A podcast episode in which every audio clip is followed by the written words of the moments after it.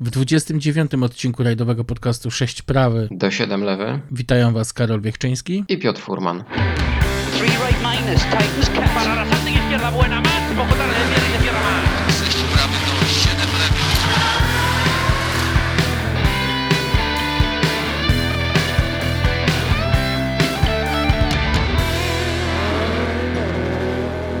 Nasi słuchacze doskonale znają nasze podejście do replik samochodów rajdowych. One są potrzebne jak najbardziej, ale chyba tylko tym, którzy je tworzą, bo to tak trochę jak z dziełami sztuki. Masa nakładu, kupę umiejętności, e, a cieszy się tylko ten, kto to namalował, bo i tak można patrzeć na oryginał. Ale by rozwiać wszelkiego rodzaju wątpliwości, dość niespodziewanie. I nasz stosunek. I nasz stosunek, tak. dość niespodziewanie e, zaprosiliśmy do rozmowy człowieka, który posiadał w swojej kolekcji nie jedną replikę, tylko ma ich kilka, ale ma też i samochody oryginalne. Tak, udało mi się namówić na spotkanie i na dosyć długą rozmowę e, Arkadiusza Kule, mm, którego z pewnością kojarzycie z żółtego Renault Megane Maxi. E, którym regularnie startuję już od jakiegoś czasu, e, nie tylko w Polsce, także za granicą i całkiem sobie dobrze radzi w tym samochodzie. E, więc tym bardziej miałem chęć i, i, i szczerą potrzebę porozmawiania z nim nie tylko o bieżących sprawach, ale także o historii rajdów samochodowych w Polsce, bo zanim Arkadiusz zabrał się za przygotowywanie tych samochodów, kolekcjonowanie rajdówek w swoim garażu, był mechanikiem i to nie byle kogo. Między innymi Leszka Kuzaja, tak, między innymi Leszka Kuzaja, ale nie tylko. Ale dowiecie się więcej z naszej rozmowy. Nie tylko o historii, ale także o sprawach bieżących rozmawialiśmy, o tych bolączkach związanych z HRSMP. Więc zapraszamy Was w takim razie na nasz kolejny wywiad. A tym razem naszym gościem będzie Arek Kula. A ja mogę obiecać, że na pewno jeszcze do tematu replik i rozgraniczenia, co już jest repliką, co jeszcze samochodem historycznym, na pewno nie raz wrócimy.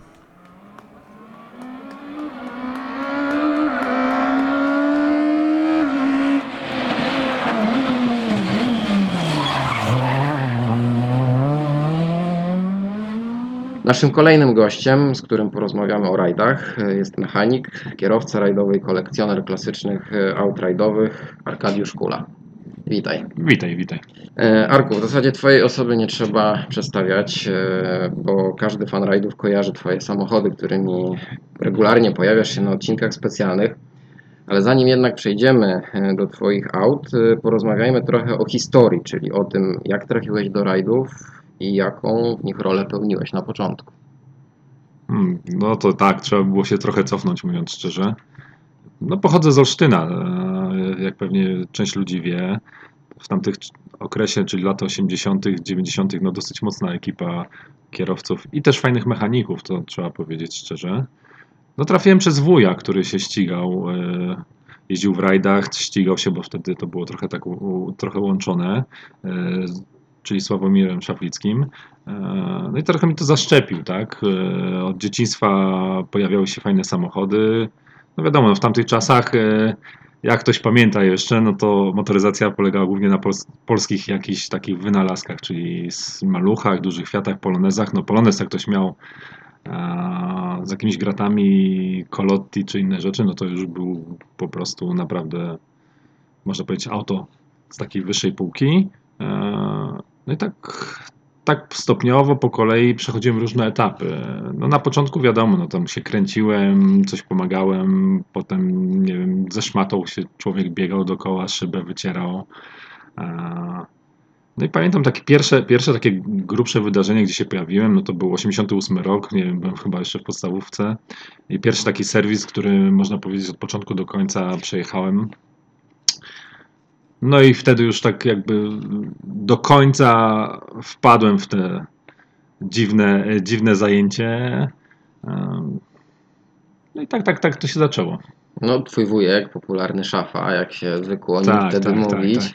E, jak na to patrzył? Chętnie cię zabierał na te rajdy, widział cię tam, pomagał ci jakoś tam się wkręcić w to towarzystwo, bo jednak to olsztyńskie towarzystwo, o którym może trochę porozmawiamy, no wtedy było na topie. Wszyscy znali tych kierowców, no oczywiście na czele Marian Bublewicz. Miałeś okazję dotknąć tych największych, zobaczyć ich w akcji. Tak, tak, no nie, no było, było w tamtym okresie dużo, no taka, e, taka pierwsza, nazwijmy to ekipa, z którą się spotkałem, no to był oczywiście Bublewicz, Szaflicki, Ludwiczak mm, i jeszcze kierowca taki znany Klejna, e, który no, był starszy wtedy od chłopaków, jeździł, e, jeździł e, też fajnymi różnymi potworami. Nie no, fajne czasy, fajne. No trochę inna, in, inaczej to wyglądało niż dzisiejsze rajdy. Ktoś, kto, kto trochę może nie obserwuje, tylko przyjedzie e, teraz na rajd i popatrzy parki serwisowe, namioty, wszystko w jednym miejscu. Można powiedzieć, e, no plaża, no mechanicy teraz mają plażę. No jak ja słyszę, że mechanik jest zmęczony po dniu, kiedy dwa razy mu przyjdzie auto na serwis po, nie wiem, raz 20 minut, raz 40, no to trochę tak patrzę i nie wierzę, co nie? Właśnie, bo przypomnijmy, że wtedy nie było stref serwisowych, parków serwisowych. Piloci ustawiali serwisy, a wy musieliście być bardzo mobilni i szybko się przemieszczać, żeby te samochody reanimować, tankować, więc rzeczywiście mieliście dużo pracy. Nie, no to były, to były, Jezus, to były inne czasy, to niewiarygodne po prostu. To po pierwsze było no, bardzo duża praca pilota i tak naprawdę jednego z członków y, tego serwisu, żeby ustalić miejsca, godziny, y, czas przejazdu, miejsca przejazdu. Trzeba było przejechać wcześniej, sprawdzić, gdzie można się albo u którego gospodarza można wjechać na podwórko i, i to zrobić, co też nie zawsze się y, jakby finalizowało w ten sposób, no bo wiadomo, że jak auto zjeżdżało po OS-ie i tylko przekroczyło metę, metę lotną, potem metę stop, no to za metą stop już można było robić. Często też robiliśmy po prostu 20-30 metrów za metą lotną, bo auto dalej nie mogło pojechać. E, No nie było, Jezus, nie było niczego w tam, tamtych czasach. Taki zespół składał się z parunastu osób, które robiły różne rzeczy, no bo to byli mechanicy, byli też ludzie od pogody, którzy jeździli, e, różne miejsca oglądali, by, byli też ludzie od czasów, bo pamiętajmy, że wtedy była tylko wersja pisana, więc jak zawodnik zjeżdżał, e, była tablica wyników, no to każde trzeba było spisać, policzyć, więc czasami też e, do ostatniej chwili się czekało, czy, czy te czasy spisane poszczególnych e, załóg, e, jak to się przedstawiało w wynikach. No teraz byśmy na, powiedzieli Excela, no wtedy nie było Excela, to, to był kalkulator, papier i tyle, tak? Jeszcze liczydło czasami. No inne, inne czasy, no co do serwisów, no to oczywiście to to też wyglądało inaczej, no bo najczęściej to były trzy, trzy ekipy, trzy busy plus taki satelita, czyli taki szybki serwis można powiedzieć i to szybki serwis polegał na tym, że to było najczęściej jakieś auto osobowe bardzo szybkie z jakimiś dwoma, trzema kołami, jakimiś częściami zapasowymi, taśmami, innymi rzeczami. No i tutaj była zabawa. No, najczęściej jeździłem w takim aucie i powiem szczerze, no to nie wiem, czy czasami my nie chodziliśmy szybciej niż te rajdówki tak, to po tych OS-ach, bo, bo odstawiało się na przykład Janusza na Walimiu, tak, na dole albo na górze, tak, i odbierało go się e, na mecie, więc a trzeba było całą górkę dookoła przejechać przy normalnym ruchu. Ale busy też, no busy też, też jeździły dosyć szybko, bo no było to niebezpieczne. Było parę takich przypadków, e, pamiętam chyba na Emocie była taka sytuacja, że e, bus serwisowy angielskiej firmy po prostu poszedł ze starym na czołówkę i tam chyba dwóch chłopaków, czy jeden, nie pamiętam teraz dokładnie, zginęli. No, no było to nie, no było to niebezpieczne, tak? Teraz jest to bardziej, bardziej można powiedzieć lightowe, no, ale tak samo i rajdy wyglądały trochę inaczej. Te zabezpieczenia, nie zabezpieczenia, no, no pozmieniało się wszystko, pozmieniało. Byłeś świadkiem e, zmiany sprzętu e, na krajowym podwórku. Tego momentu, kiedy zawodnicy zaczęli przesiadać się z wysłużonych Fiatów Polonezów do aut e, tak zwanych zachodnich, czyli pierwsze e, Volkswageny, Ople, Toyoty, Mazdy. Ty jeszcze jako serwisant e, swojego wujka e, miałeś e, okazję zobaczyć Mazdę, chyba pierwszą, jedną z pierwszych w Polsce, 323. E, Jak z punktu widzenia mechanika wyglądała ta zmiana? Było łatwiej, trudniej? Jak ci się pracowało przy takich samochodach? Bo potem przyszły przecież pierwsze eskorty.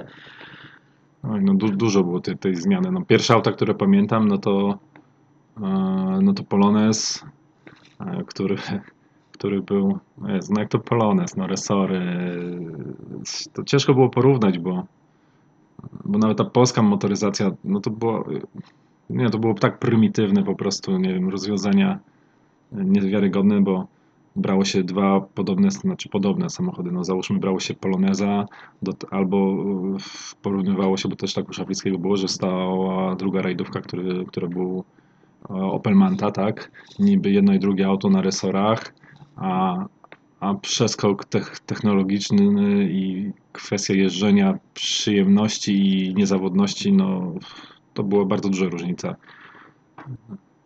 Ale trzeba powiedzieć, że też y, jedna i druga motoryzacja miała dużo fajnego. No to też nie jest tak, że tymi polonezami chłopaki nie dawali sobie rady, nie jeździli szybko, no bo wtedy klasa A6 bodajże w tamtych latach, no naprawdę chłopaki jeździli dosyć szybko, sprzęty mieli no przeróżne, no to wiadomo, wi- większość się budowało, większość było budowane tak chałupniczo, że ktoś miał warsztat albo pilot, albo kierowca i tam się budowało samochody, podpatrywało się różne rzeczy, no wiadomo, no w, w Polsce no to tak zwany Bartoś, to był, to był odnośnik budowania polskich samochodów, choć też wiemy jak one były budowane, że pojawiało się auto nawet na Akropolisie, e, które nawet nie było schomologowane, tak, tylko dziwnie po, pojawiało się bez homologacji, potem coś kombinowali chłopaki, mówię o Fiacie e, Akropolisie, no tak samo z Polonezami, no to wszystko było trochę inne czasy i, no i, było to śmiesznie, ale tak, po, y, swego czasu,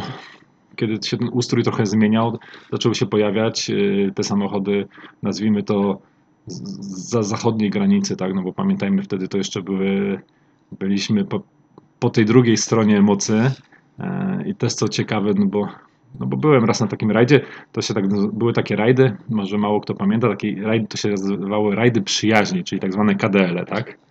No to były historie niesamowite. No. Nieformalny puchar pokoju i przyjaźni. Tak jest, tak jest. Ale bardziej bym powiedział, że to były wyjazdy handlowe dosyć często, bo, bo jechało się do kraju, gdzie na przykład mieli opony, czyli Czesi, tak, ale nie mieli kierownic albo nie mieli innych rzeczy, więc nasi zawodnicy przewozili 20-40 kierownic, żeby przywieźć opony, tak. E, e, Tutaj nie uczestniczyłem, ale, ale mm, na rajdzie Żubrów e, spotkałem się e, z jednym z e, takich czołowych pilotów e, i się śmialiśmy, jak to wyglądało, jak e, jechali kiedyś na rajd KDL-u do Czechosłowacji, bo pamiętajmy, że wtedy jeszcze były Czechosłowacja, tak? Nie było e, jakby dwóch różnych e, krajów. No i mówi, że celnik go się pyta, panie, o co chodzi z tymi kierownicami, bo pan 30. No i mówi, że on co chwilę, co OS musi wymieniać i co trening, bo mu się wyginają te, te kierownice, e, a tak naprawdę chodziło o to, żeby po prostu skandlować, tak, że jechali na rajd bez opon, e, więc sprzedawali kierownice, sprzedawali różne rzeczy, kupowali in, inne, więc tak to wtedy wyglądało, tak. Były historie ponoć takie, że wszystkie skrzynie biegów poszły z polonezów i nie było już czym nawet jechać.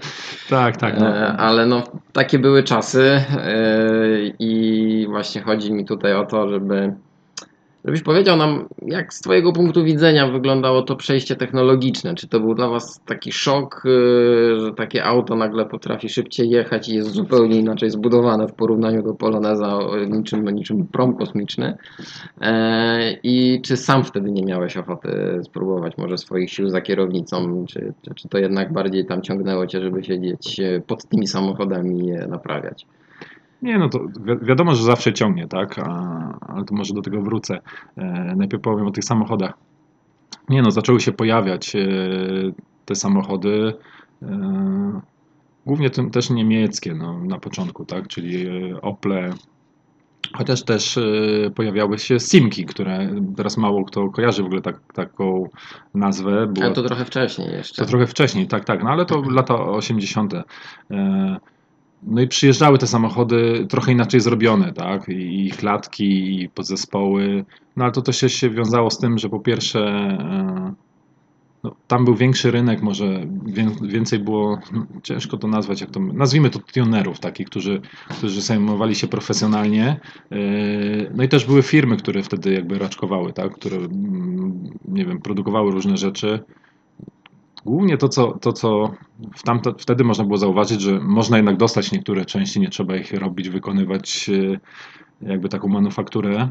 Yy, No i drugie to ceny tych, tych, tych podzespołów. No pamiętam, że wtedy wszystko było w, w markach. E, No i przeliczenie wtedy marki na złotówkę, no to było przed, tak około 89 roku, no to, to no ten sport był bardzo drogi. No teraz to ten sport, powiem szczerze, to nie kosztuje. Tak, tak, tak bym powiedział. To dosyć kontrowersyjna opinia Nie, z no, twojej strony, bo tak. właśnie wszyscy raczej wtedy uważali, że zacząć jakąkolwiek karierę można było dużo szybciej, ponieważ ten przeskok z samochodu zwykłego, cywilnego na rajdówkę był jednak mniej kosztowny, a teraz mamy ten taki bardzo wysoki poziom profesjonalizmu i takie zaporowe ceny wręcz za te rajdówki. Ale dobrze, właśnie twoja opinia tutaj najbardziej e, będzie chyba obiektywna. Nie, no to, to jak, też... jak uważasz właśnie, jak to wygląda Nie, teraz? no to, to, nie, no nie oszukujmy się, bo teraz jest dużo taniej i, i, i dużo, dużo prościej, tak mówiąc szczerze, bo cały świat stoi otworem. No nie, można wszystko znaleźć. Yy, Wystarczy, no tak jak ja się śmieję, Google i, i znajdziesz pewne rzeczy, albo porozumiesz się z osobami, które budowały, albo miały coś wspólnego, więc yy, to jest łatwiej. No. Nawet w Europie robiąc zakupy, to wszystko przychodzi 2-3 dni później, bez cła, bez różnych tłumaczeń się. E, Ale wrócimy to, czy to było droższe, czy tańsze, i czy było łatwiej zacząć. E, Hmm, czy było łatwiej zacząć? No, polska motoryzacja może była ta, jakby tańsza, tak? No, ale wiemy, jak, jak było w tamtych czasach do zdobycia malucha, tak? Że to czy były kolejki, zapisy, jak ktoś miał układ w, w nie wiem, w polmozbycie, bo wtedy jeszcze Tak. tak było tak zwana centralne, cen- cen- centralna sprzedaż, czyli był polmozbyt, e, albo w Bielsku-Białej w fabryce. No ciężko było zdobyć te samochody i też kosztowały no nie pamiętam teraz, ale trzeba, można by było sprawdzić, ile przeciętny Kowalski wtedy musiał pracować lat, żeby zarobić na malucha, a, a ile to na przykład wychodziło, nie wiem, Volkswagen Golf w jedynce, tak, w wersji GTI. E, ale to też taka ciekawa historia. Też ten sam pilot, co mi opowiadał e, tą historię z kierownicami, e, mówił, jaka była dysproporcja. No, może niektórzy się domyślą. No, cho- chodziło wtedy w tamtych latach, yy, było kupione auto, które się nazywało BMW 2002 Turbo. No i powiedział, że musiał dwie wille w Konstancinie sprzedać, żeby ten samochód przywieźć. I to taką z fabryczną, tak? Nie wiem, teraz dwie wille. No myślę, że parę R5 by było, tak? E, Więc czy jest dysproporcja? No niech każdy sobie policzy, czy, czy jest, czy nie jest. E, Ale tak e, mówiąc szczerze, no taniej jest, nawet patrząc lata 90. czy 2000, a teraz jednak, e, jednak jest większy, większa możliwość kupienia, wy- wyprodukowania, no ale to też, się, też myślę, że się trochę e, technologia, no czyli nawet w Polsce można większość rzeczy już teraz wykonać, tak? Nie, nie trzeba robić odlewów czy inne rzeczy, czyli dobra maszyna CNC, skaner 3D plus dobry grafik, który to policzy i, i zamieni jakby rysunki na, na parę cyferek i obrabiarka już to zrobi, tak? Yy, Więc myślę, że tu jest dosyć duże ułatwienie. Co jeszcze można powiedzieć ciekawego o tamtych czasach? Czy przeskok technologiczny? No był przeskok technologiczny. No pojawiły się auta czternapędowe, tak, przednionapędowe. Yy, pojawiły się to, pierwsze Mazdy, Toyoty. Yy, No to było no, w ogóle inne jeżdżenie. No to kultura po prostu pracy tych samochodów była znacznie wyższa. Mm, Nie wiem, no pamiętam pierwszy raz y, Mariana, jak zobaczyłem Sierra tylnionapędową, no to, to, to, to był niewyobrażalne. No, to, jakby y, Jezus, to był statek kosmiczny dla mnie wtedy, tak? No właśnie, bo takim zwiastunem nowoczesności w tamtych latach były te Mazdy i Fordy. Przede wszystkim te samochody No, były. Renault Copra, tak? e, Renówka 11 Turbo też, ale jednak e, zaroiło się od tych Mazd. e, bo właśnie czy, czy, czy twój wujek, czy potem Marek Sadowski, czy No, Bublewicz, Hołowczyk, czy, Bublewicz. czy Marian Bublewicz właśnie startowali tymi japońskimi, no jak na takie warunki dosyć udanymi rajdówkami, jak na tamte czasy. Ty też byłeś świadkiem wejścia eskortów Rescosworthów, które przecież też były bardzo pożądanym samochodem rajdowym, aczkolwiek awaryjnym w grupie N. Więc może trochę opowiedz nam, jak wyglądała historia Fordów, eskortów i czy tak naprawdę one wszystkie były takie prawilne N-grupowe, Tak, czy tak. jednak tam... Nie no, wchodzimy na, na, na następną czasoprzestrzeń po prostu myśli i naszych e, tak zwanych e, sędziów technicznych, zawodników i całej reszty.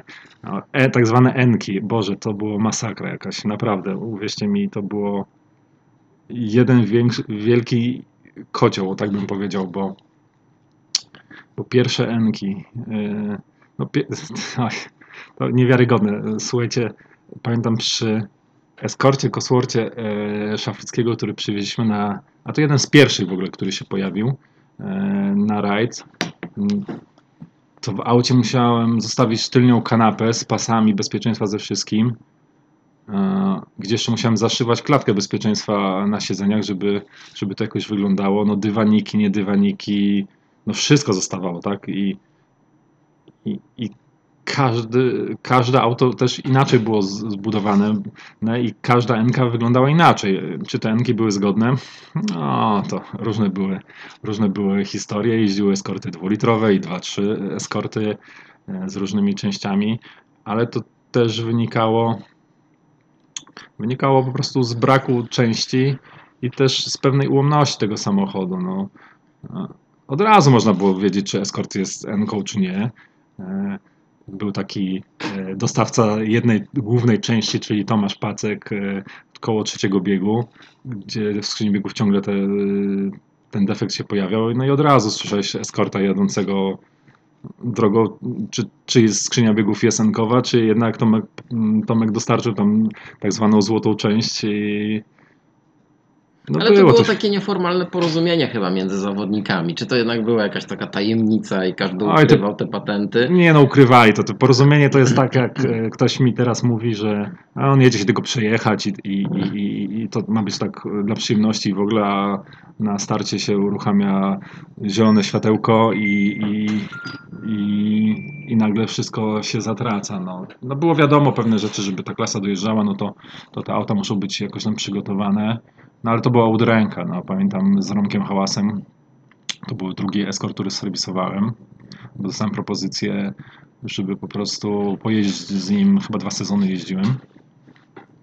No i pamiętam po którym serwisie, nie wiem czy to też nie był Elmot, auto mi wyjechało, z, wyjechało mi z serwisu i 100 metrów dalej, gdzie zawracał na drogę, zblokował się eskort na amen. No po prostu skrzynia biegów tak się zblokowała, że auto nie można było ani do przodu, ani do tyłu. No musieliśmy tam jakimś starym to ciągać, żeby drogę odblokować. No ale to też się wiąże z fajnymi przygodami. No, w N-grupowym aucie w 17 minut y, wymieniałem skrzynię biegów całą, gdzie to dosyć skomplikowane. Jak ktoś wie trochę budowę e, Sierry czy Escorta, bo nie oszukujmy się, że to jest to samo auto, tylko w innym nadwoziu, bo ta różnica e, można powiedzieć prawie żadna. E, Więc to był, to był wyczyn, tak? No ale takich historii dużo było. No, dyfry, wybu- dych- dyfry wybuchały, no, Różne, różne historie, ale myślę, że to też po pierwsze wynikało z tego, że to była tak zwana NK. No wiadomo, silnik turbo na już w tamtych czasach, no to różnie to się podkręcało i, i zwiększając moc robi sobie problemy gdzieś dalej, no bo to, to się jednak ciągnie, to, to dzisiaj tak jest, tak? No bo tutaj trzeba zaznaczyć też, że ta przepaść między samochodami N-grupowymi, które tam były dozbrajane, a takimi prawdziwymi A-grupowymi autami, no była ogromna. Ta, to, to była Nie, różnica no i było- technologiczna, ale przede wszystkim cenowa. Jednak tej, wtedy niewielu polskich zawodników mogło sobie pozwolić na takie A-grupowe auto w postaci Escorta ala Paweł Przybylski z MTD, czy, czy, czy nawet późniejsze Toyota Nie, no to, by, to były tak, to były jakieś takie perełki pojawiające się i pamiętajmy, że to to były auta wypożyczone, czyli przywożone po prostu na rajd przez y, danego tunera i, i ale te auta były dosyć, dosyć z dobrych jakby rąk.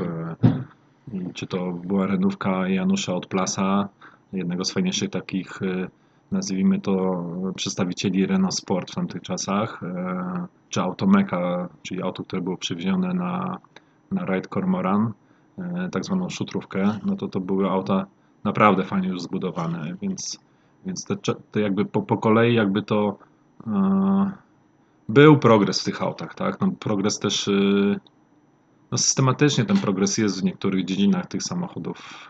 No, zmienia, zmienia to się dosyć, dosyć mocno, chociaż chociaż y, dalej twierdzę, że te stare samochody, znaczy stare, no, z lat 90., 2000, jednak mają coś fajniejszego. No, też te rajdy pokazywały, pokazywały to, jak ludzie to chłonęli, tak? Może to też wynikało z tego, że jak się takiego eskorta przywiozło, a najczęściej wtedy jeździły duże Fiaty, Golfy jakieś, no to to był auto po prostu wyglądające kosmicznie, tak? No Mosk też w porównaniu do Polonezów, czy dużych Fiatów, czy nawet Golfów, czy Passatów B1, no to 230 koni, tak? No to to robiło furorę niesamowitą.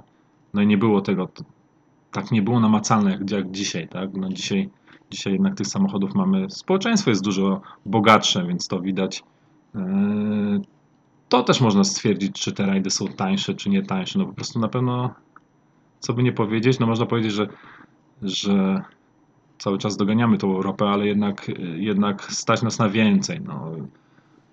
Zmieniła się motoryzacja, zmieniły się potrzeby rozrywek motoryzacyjnych, może społeczeństwa obecnie też. Dlatego my wolimy porozmawiać o tej historii rajdów samochodowych. Wspomniałeś o problematycznych eskortach, yy, ale potem masz okazję być yy, w serwisie w zespole Leszka Kuzaja. Zaczyna się złota era Mitsubishi Lancerów. Ta grupa M tak jakby trochę zaczyna yy, nabierać prawidłowych kształtów, jeśli tak można to powiedzieć. E, Jak to się stało, że znalazłeś się u Leszka, u kierowcy, który wtedy był dosyć problematyczny, te samochody dosyć mocno niszczył i nadwyrężał. Oj tak, to jest. Zawsze mam uśmiech. Jak, zresztą też jak się z Leszkiem spotykam, to, to no zawsze jest wesoło. No, co by nie powiedzieć, no potrafił napsuć, napsuć krwi, ja tak bym powiedział. Mm, Jak to się stało? Oj, no zdecydowałem, że przestaję jakby jeździć w rajdach, że trzeba się zająć e, może trochę nauką, innymi rzeczami wtedy. E, Przestałem na chwilę jeździć e, w rajdach. E, Dalej jakby wspólnie tam z, szafą e, różne rzeczy robi, robiliśmy. E, No i któregoś razu dostałem jakby telefon, nie pamiętam telefon albo byłem, że, że trze, trzeba po prostu pomóc. E, Szafiński do mnie zadzwonił, że trzeba pomóc chłopakom z Krakowa, bo gdzieś coś zepsuli jadąc polną drogą. To może, może przypomnę, chodziło o słynnego niebieskiego Galanta Tak, i Galant. trening przed Kormoranem, Tak. 96. Tak, tak, dokładnie. Dokładnie tak. E, No, akcja była taka, że po prostu chyba tam chłopaki, którzy serwisowali wtedy e, Leszka stwierdzili, że nie da rady tego Galanta przywrócić. Więc no, przez noc się zająłem tym samochodem, zrobiliśmy ten samochód. Auto było gotowe na rano, wystartował. No i potem jakby propozycja od Leszka, żeby jednak pojeździć z nim trochę, e, zobaczyć jak to będzie wyglądać. Przeprowadziłem się do Krakowa, zacząłem jeździć z Leszkiem, pierwsze lancery. No to szybka decyzja, bo tutaj mówisz o tym, żeby trochę się odciąć od rajdów, a tu nagle No, przeprowadzka decyzja do też taka nie była, no przekonał, przeko, słuchajcie, no, przekonał mnie w tamtych, w tamtych e, czasach, no wiadomo, no kasa mnie przekonała, tak, jakby Kraków. No, Ale musiałeś też mieć już uznanie na, na rynku mechaników, skoro no, Leszek Kuzaj zaoferował ci. No wiadomo, on też wtedy dopiero rozkręcał tę swoją zaczynał. wielką karierę. Ciężko, E. ciężko, ciężko powiedzieć, czy miałem uznanie. No jeździłem z paroma kierowcami, tak? No, do Romka Hałasa też trafiłem. Boże, już nawet nie pamiętam jak trafiłem, ale też byłem gówniarzem. E, Jezus, początek szkoły średniej, tak? Więc ile można mieć lata? Bardzo szybko jakby tym serwisem e, jakby zawiadowałem, tak? Więc jeździłem, wtedy jeszcze pamiętam, jeździłem e, z Olsztyna do Warszawy, mnie odbierali na dworcu i z dworca się jakby jechało na rajd, no więc no, paru kierowców się zgłosiło, no, znaczy było paru kierowców i parę, parę fajnych aut, no, bo tak, później był epizod y, z epizod z Leszkiem, no to trochę to trwało, tak, więc tych samochodów się trochę, e, trochę tam też dosyć fajnych, no bo i były Lancer 2, Lancer 3, 4, Toyota 185 w, w A-grupie, którą później się pojawiał na rallycrossie, słynny Galant, który też w rallycrossie czasami się pojawiał. No tych samochodów było, było trochę, no No i przy każdym miałeś pełne ręce roboty, no bo tak jak już wspomniałem, Leszek y, nie oszczędzał tych samochodów No nie, no rajdowych. potrafił, popra- po- potrafił po prostu, nazwijmy to, zgruzować rajdówkę, która była przygotowana na rajd tydzień przed rajdem, więc, e, więc było tej zabawy. No potem, potem się pojawiło trochę więcej tych rajdówek, więc można było sobie pozwolić na to, że któreś pójdzie jakby do, do rozebrania i złożenia na nowo po, po blacharzu. E, Ale tak, ale to taka przygoda była dosyć fajna, bo bo można powiedzieć e, z kierowcy, który, który jakby brał udział w jakichś amatorskich rzeczach, rzeczach, no rzeczach, no jakichś pojeżdżawkach, przeszedł bardzo szybko do Mistrzostw Polski a, i jakby no, dużo fajnych rzeczy się pojawiło, no bo pamiętajmy w tamtych czasach nie, częściej się przywoziło, pamiętam wtedy Leszek pra- współpracował e, z takim też belgijskim tunerem, który obsługiwał e, Mitsubishi, to był konsul. Więc też było zabawy, no trzeba było zbudować, pamiętam zacząłem jeździć u Leszka, no to miał jakiegoś jednego busa, e, jakąś jedną rajdówkę, a skończyło się potem na całej stajni tych rajdowych różnych, e, nazwijmy to wynalazków, więc po kolei się to budowało i był warsztat, i były serwisówki, szybki serwis, e, pojawiało się dużo więcej części. No taki, taki trochę rozwój, tak jak się Leszek rozwijał, tak samo i ludzie, którzy współpracowali przy tych projektach się rozwi- rozwijali, no bo jednak, jednak pracy trzeba było i logistycznej zrobić i pomyśleć trochę, to fajna, fajna praca, no. na pewno można dużo fajnych rzeczy zobaczyć, dużo fajnych ludzi poznać i, i, i jakby e, rozwijać się, co też e, było dosyć fajną, fajną rzeczą.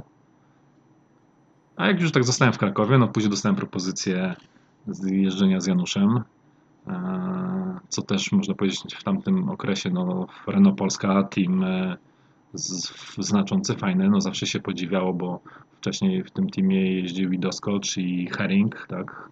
E, Jeden z takich pierwszych profesjonalnych zespołów tak, rajdowych tak, co, w co, Polsce. co by nie powiedzieć, tak, no to przede wszystkim e, nazwijmy to takim fabrycznym, tak, znaczy fabrycznym, no, e, było Renault Polska, więc można powiedzieć taki odłam fabryki, tak, który się zdecydował na trochę większy program i, i to też było fajne.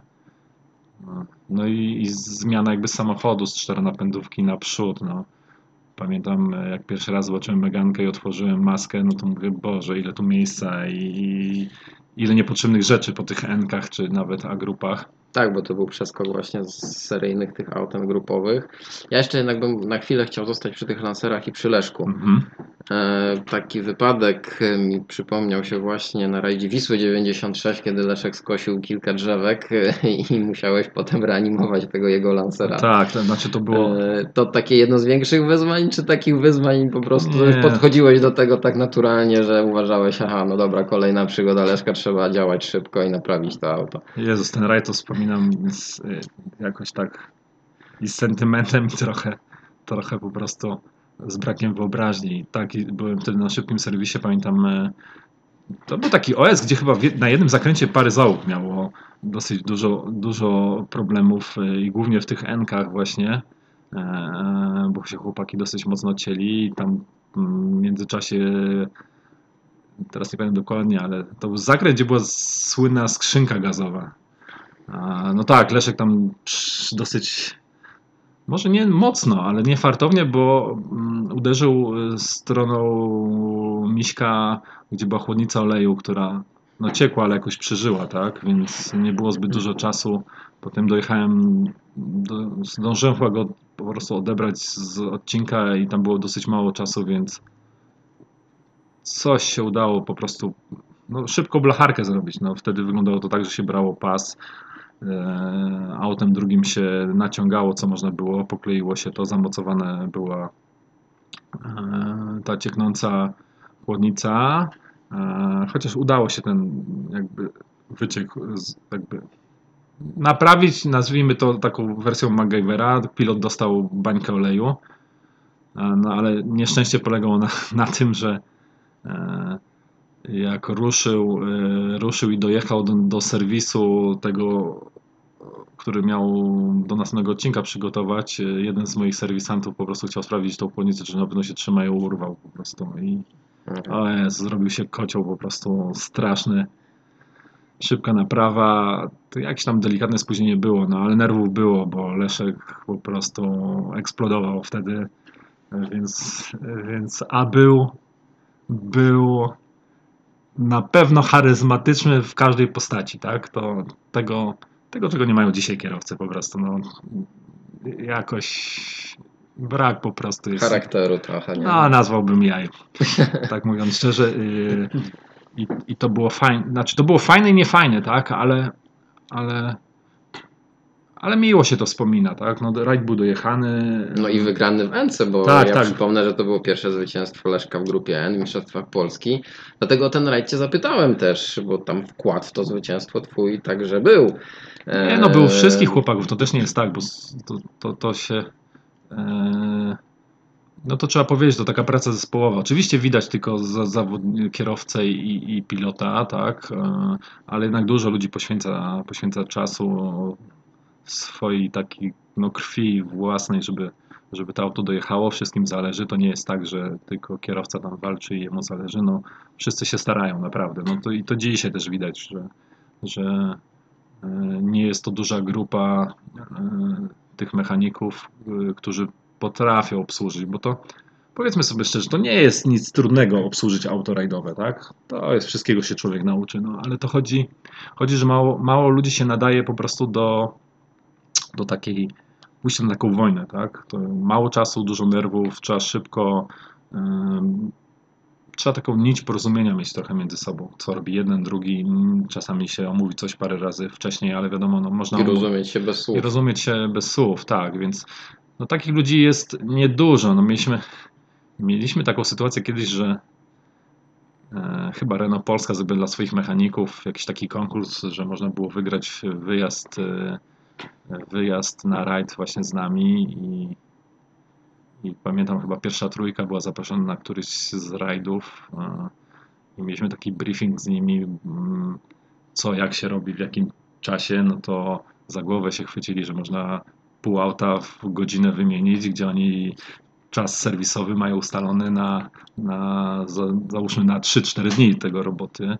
E, I też e, wtedy trochę mi uświadomiło to, że, że świetny mechanik warsztatowy nie zawsze się sprawdza na tych rajdach, więc e, dlatego może ta grupa, przynajmniej w takich czasach, kiedy ja zaczynałem, była dosyć, dosyć wąska, tak, ale, ale też kierowców było mniej, tak, tak myślę, więc i dostępność i, i wszystko. No i to, co rozmawialiśmy, no ta motoryzacja była trochę inaczej dostępna niż dzisiaj, tak? No, nie można było otworzyć YouTube'a i zobaczyć, co jak można zrobić, tylko trzeba było to po prostu samemu gdzieś pogłówkować, zrobić, podorabiać sobie klucze. e, No w Enkach też często e, nawet podzespoły nie były przykręcone na wszystkie śruby, tak jak powinno to być zrobione, no bo tak jak w eskorcie, no były problem na przykład przy skrzyni biegów z dwoma śrubami, które nigdy nie były przykręcone na rajd, E, no bo to powodowało, że dwa razy dłużej byśmy to robili i, i tak naprawdę ciężko byłoby powymieniać. Więc te enki to jest taki enki to jest taki temat, który no na dłuższą historię, co nie? Bo to trzeba było porozmawiać też z kierowcami, jak tym się jeździło, no, jak to było budowane, jak to było dostępne. To takie auto z ulicy, e, bo mało kto wie, to, to taka grupa, którą można by było kupić auto w salonie w tamtych czasach, włożyć klatkę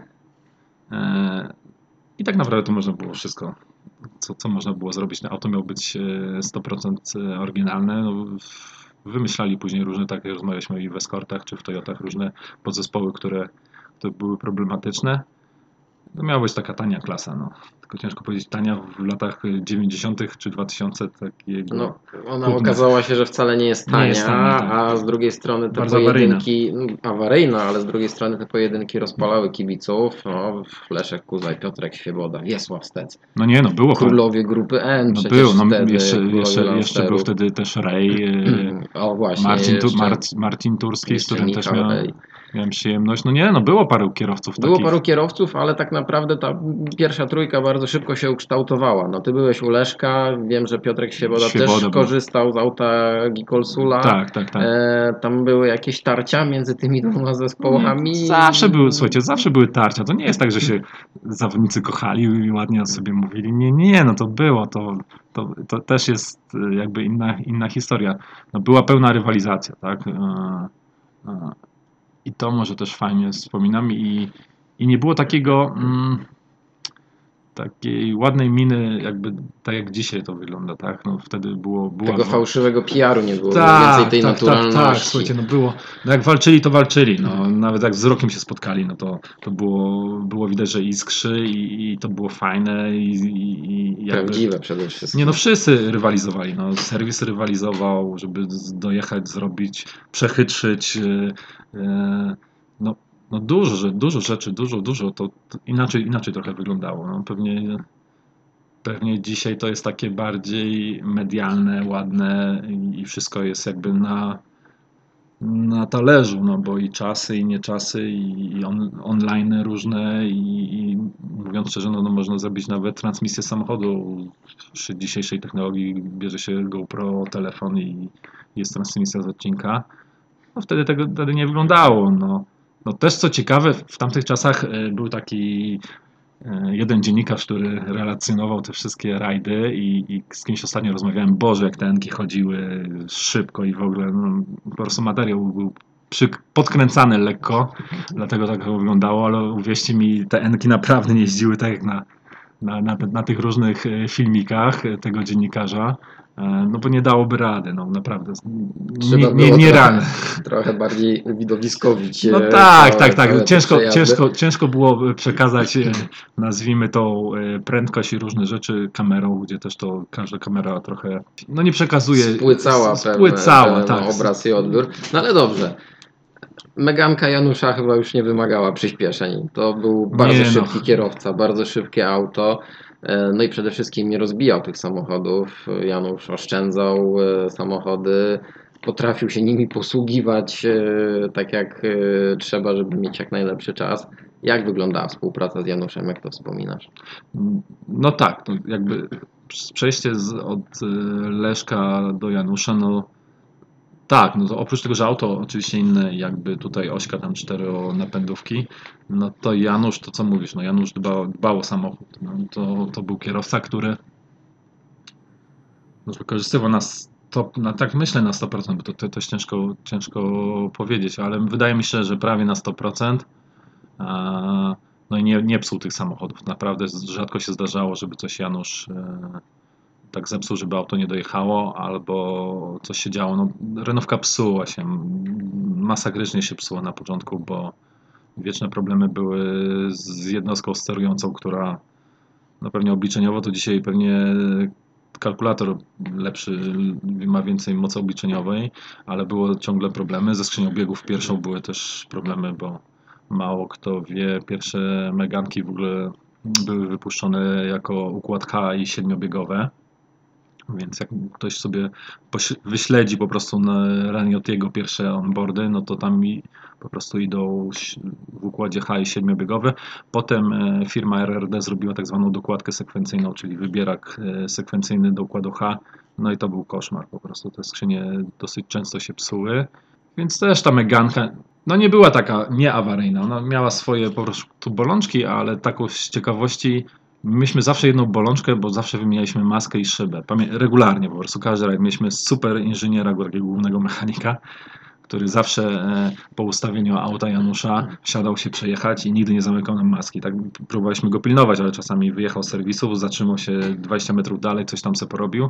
No i regularnie po prostu, regularnie przed prawie każdym rajdem mieliśmy maskę i przednią szybę. To była taka nasza tradycja e, i wtedy się nic nie działo na rajdzie. E, Ale tak, no Meganka, Meganka to był no stwór straszny. No, to, że miałem największe wrażenie miałem z Megankami dwa razy.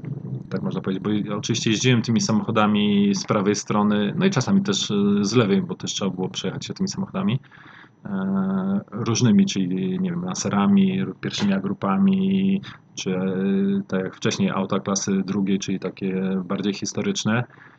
I pierwsze moje wrażenie z przejazdu po, na prawej stronie z Januszem to było chyba przed pierwszym y, nie zimowy, tylko następny rajd y, asfaltowy.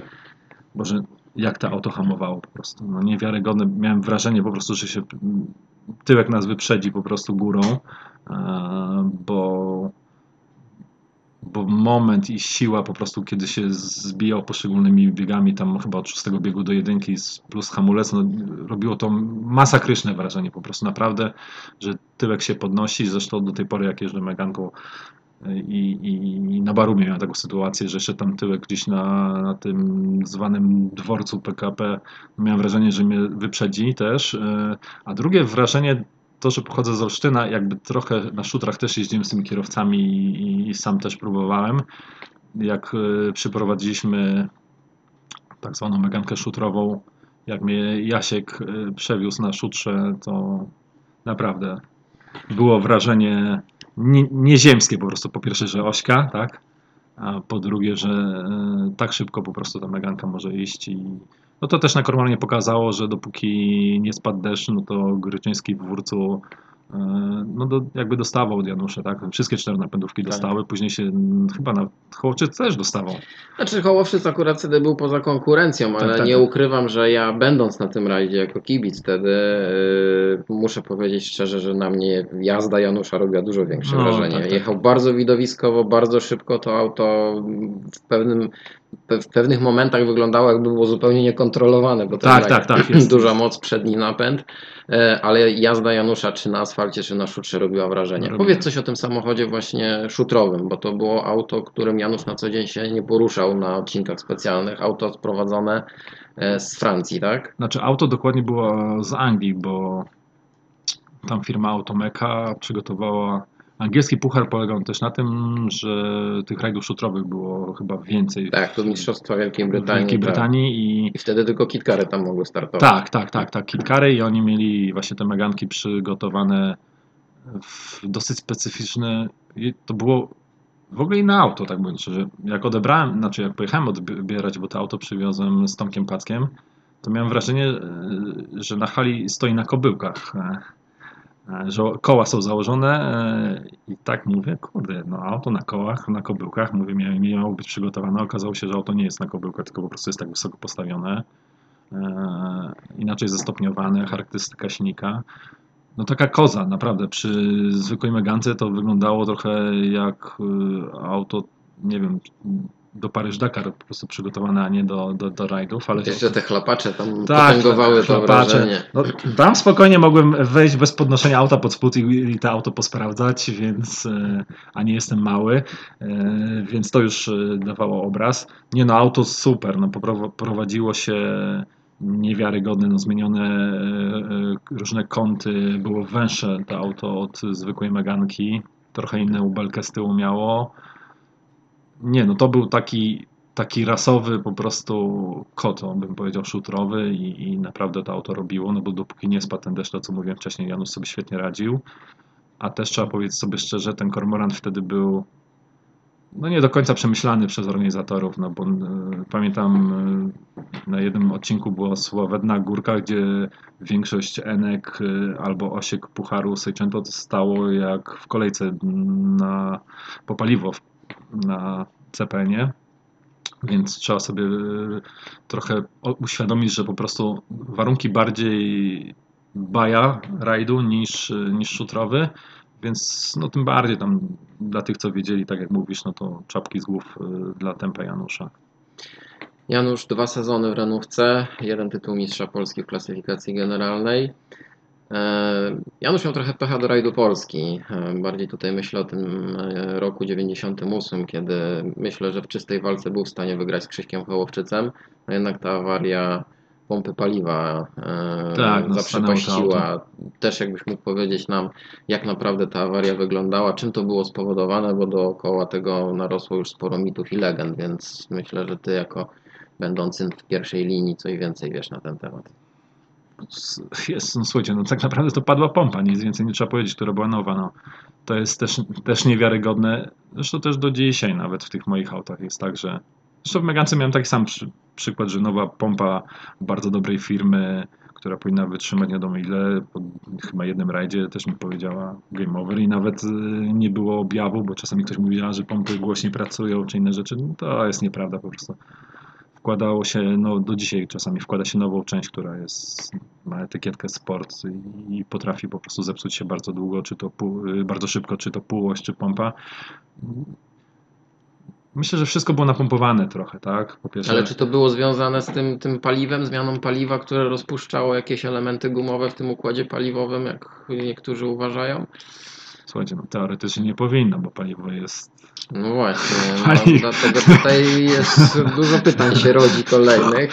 E, Tak naprawdę e, paliwo jest dosyć, e, przez nazwijmy to regulaminy inne rzeczy, dosyć, dosyć klarownym, co powinno być zalane.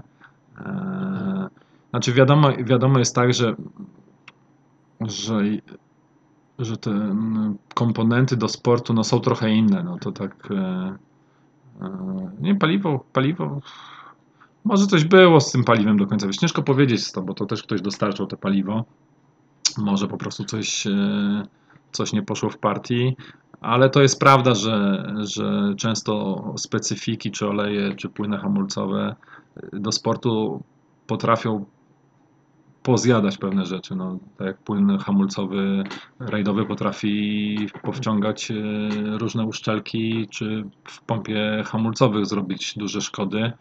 E, To mało sobie e, zdaje sprawę, że na przykład do zwykłego samochodu zalewa produkt, który jest przeznaczony do, do sportu i mało tego, że on jakby robi spustoszenie w tym układzie, no to jeszcze bardzo szybko się starzeje, tak? No bo płyn hamulcowy dobrej firmy, taki rajdowy, no to powinno się co, co najmniej raz y, na kwartał wymienić, bo on nawet jeśli auto stoi w suchych warunkach, no to łapie po prostu wodę, co go zabija i nie spełnia potem. Więc prawdy się tak do końca nie dowiemy. No, prawda, prawda jest taka, że jakby była duża możliwość, auto było naprawdę w super, super specyfikacji, Janusz był w topowej formie.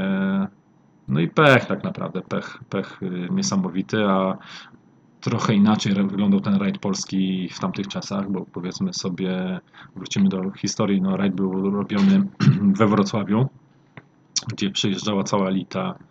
To też jest dosyć ciekawe, że jednych, jednym z pierwszych rajdów też, który miałem taką styczność z tymi samochodami, wracając do historii, no to był rajd polski, gdzie, gdzie i Snayers, i Drachmans, i Jezus, jakie tam były samochody w tamtych czasach, tak? No, to to niewiarygodne po prostu, jak przyjechała 190 w A-grupie, czy M3 w A-grupie w 87 roku e, i można było zobaczyć, jak te serwisy są przygotowane, ile tam ludzi pracuje.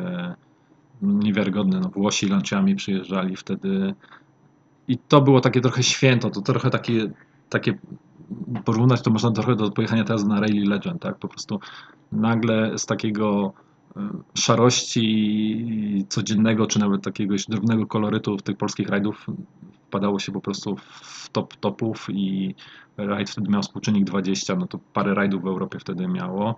Trasy były super szybkie i niesamowite, nawet sam prolog w So- w Sobótce był był super, ale dla polskich kierowców zawsze trochę pechowy ten rajd polski był, bo i, i Marian potrafił koło urwać na prologu i Koperna rozrabiać, więc y, No właśnie, pechowy. Użyłeś takiego delikatnego określenia. Nie odnosisz wrażenia, że po prostu ci kierowcy, którzy przyjeżdżali z Belgii, z Włoch, byli po prostu o klasę lepszymi kierowcami, lepiej przygotowanymi, z lepszym sprzętem jednak wtedy było dopiero widać te różnice między, między naszą czołówką a pozostałą ekipą z Europy. Nie, no myślę, nie można tak brutalnie podchodzić. Widać do dzisiaj, jaka jest różnica między polskimi kierowcami a kierowcami z, innego, z innych jakby krajów. E, Oj, tutaj bym sobie nagrabił pewnie, jakbym powiedział to co, to, co mam w głowie. No nie, no widać, no widać nawet współczesnym, że dostajemy mm, jakiegoś młodego kierowcę, tak zwanego spadochroniarza, e, w autem nie do końca topowym, tak, w Hyundaiu i potrafi tutaj pokazać y, panom, e, jak się jeździ i mimo to, że że jest pierwszy raz na tych rajdach, e, pierwszy raz jedzie, to potrafi wygrać i... No nie pierwszy raz to przerabiamy, no przypomnijmy Briana Buffie. No Buffie następny, tak. Przypomnijmy, przypomnijmy czy, czy, czy nawet Hutunena, który też wyjął ten tytuł mistrza Polski. Tak, no tu jest, tu jest, to jest ciekawe, że e, to jest tak, e, gość, gość młody z niedużym doświadczeniem jest włożony w auto, który nie do końca jeździł, bo najczęściej to był junior, który przesiadał się w, na R5, przyjeżdżał pierwszy raz na rajd, i potrafi wygrywać, a nasi kierowcy jadą na rajd i mówią, że pierwszy sezon traktują to jako naukę, żeby zobaczyć, gdzie są. No sorry, no to, to nie przedszkole, tak mi się wydaje. Wiadomo, wiadomo że ciężko się, ciężko się jedzie rajd pierwszy raz i którego się nie zna, a nie ukrywajmy, że no nasze OS-y są dosyć, w ogóle nasze rajdy są monotonne, bo jakbyśmy zobaczyli sobie taki Walim, od którego roku idzie i w tej samej konfiguracji tam się nic nie zmienia, więc, e, więc dosyć prosto jest pojechać. Faktycznie no, inne są te odcinki i na innych rajdach, ale to też nie jest jakieś takie tłumaczenie, że, że nie można, tak? Bo, bo to, co powiedziałeś, jednak było paru kierowców, którzy potrafili, że można przyjechać, wygrać i trochę inaczej jechać. No to jest tak, mam takich Słowaków, którzy jeżdżą też Maxi i oni się śmieją, że to wygląda mniej więcej tak, że nasi kierowcy, czyli Polacy przyjeżdżają do nich i ich leją, tak, ale jadą do Czech i, i jakby ich nie ma, więc, więc to też pokazuje i trochę taką opinię mamy, że, że, że po prostu jeździmy do, do danych krajów i tam wygrywamy, ale 100 km dalej już nie bardzo sobie radzimy z Czechami. No ale tu też jest temat taki po prostu do samych Czechów. Tak niby się śmiejemy, ale to kulturowo, motoryzacyjnie czy historycznie, no to są lata świetne przed nami. No zawsze byli i, i są, no do dzisiaj nawet widać, no bo jeśli byśmy sobie tak historycznie, to co lubimy temat historii, no to no to u nich nawet za tej komuny kultura motoryzacyjna była dosyć wysoka. No, nawet Włosi inwestowali w czeskich kierowców, bo mieli, nazwijmy, fabryczny team Alfa Romeo, tak, który jeździli e, wszystkimi modelami GTA E, e, więc to już pokazuje, no same Skody, tak, e, nawet, nie wiem, 120 czy, czy 130, no to też potrafili po prostu chodzić. Co też pokazuje jakby nawet Barum ten stars historyczny, tak, że chodzą Skodami no przeokrutnie, słuchajcie, naprawdę przeokrutnie chodzą tymi Skodami. Tak, jak ktoś był, widział jak panowie tak, tam no, sobie nawet taką faworytką tak, zwykłą radzą na tych odcinkach. Jest to, jest to trudny, to jest trudny rajd, to, to, tak. to, to muszę powiedzieć, to jest rajd w ogóle inny niż u nas, no bo to jest taki, ja bym to porównał trochę do takiego rajdu z, z lat początku 90. takiej Wisły, tak, czy, czy Elmotu, bardzo nierówny, taki asfalt, tak, asfalt można powiedzieć, który się czujesz, że po prostu y, jadąc on się mm, degraduje po prostu razem z oponą, y, brudny, szybki, takie niewidoczne zakręty, bardzo chytre. Y, no oni się trochę śmieją, że oni znają na pamięć ten, ten, ten, ten rajd, no tutaj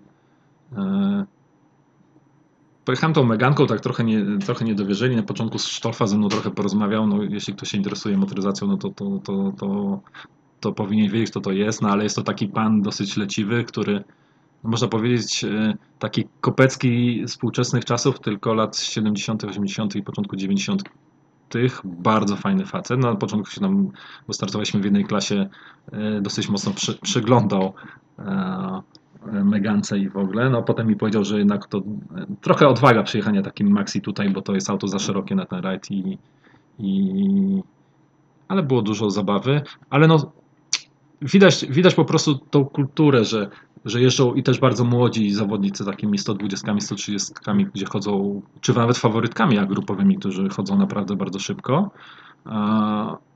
I część jeździ kierowców bardzo doświadczonych, takich z nazwiskami i się bawią, czego nie ma u nas w historycznych rajdach. Trochę, trochę tego tutaj, trochę, trochę jakiejś takiej, nazwijmy to, może nie pretensji, ale zdziwienia mojego, że nie wiem, ci nasi mistrzowie, e, którzy kiedyś jeździli, nie, nie startują po prostu, nie bawią się po prostu, nie wiem, trochę to chyba mentalnie jest związane, że po prostu nie mogą, nie mogą jakby Duma im nie, po, nie pozwala na to, żeby po prostu pojechać i nawet od młodszego zawodnika dostać, nie wiem, na odcinku, że to jakaś ujma na honorze jest, czego w Czechach nie ma, czy nawet na Rally Legends jest świetna zabawa. No i też pokazuje to, jak Jezus, to jest trochę inny świat. To, co to, to, tak rozmawialiśmy przed tym nagraniem, że tam wszystko wygląda trochę inaczej, tak? Podejście do zawodników, zawodnicy, kibiców, którzy, słuchajcie, no na prologu, na prologu jest prawie 40 tysięcy ludzi. Mimo to, że się to jakby słyszy, ogląda czasami przed tym rajdem oglądałem ten prolog yy, Mm, na, na, tym barumie, no to jest niewiarygodne po prostu, niewiarygodne jak to jest przygotowane, tak? nie wiem, ciężarówki, naczepy stoją, gdzie są ławeczki porobione, parkingi e, piętrowe, które są porobione wzdłuż trasy, mają trybuny, bar, DJ-a, e, cała otoczka.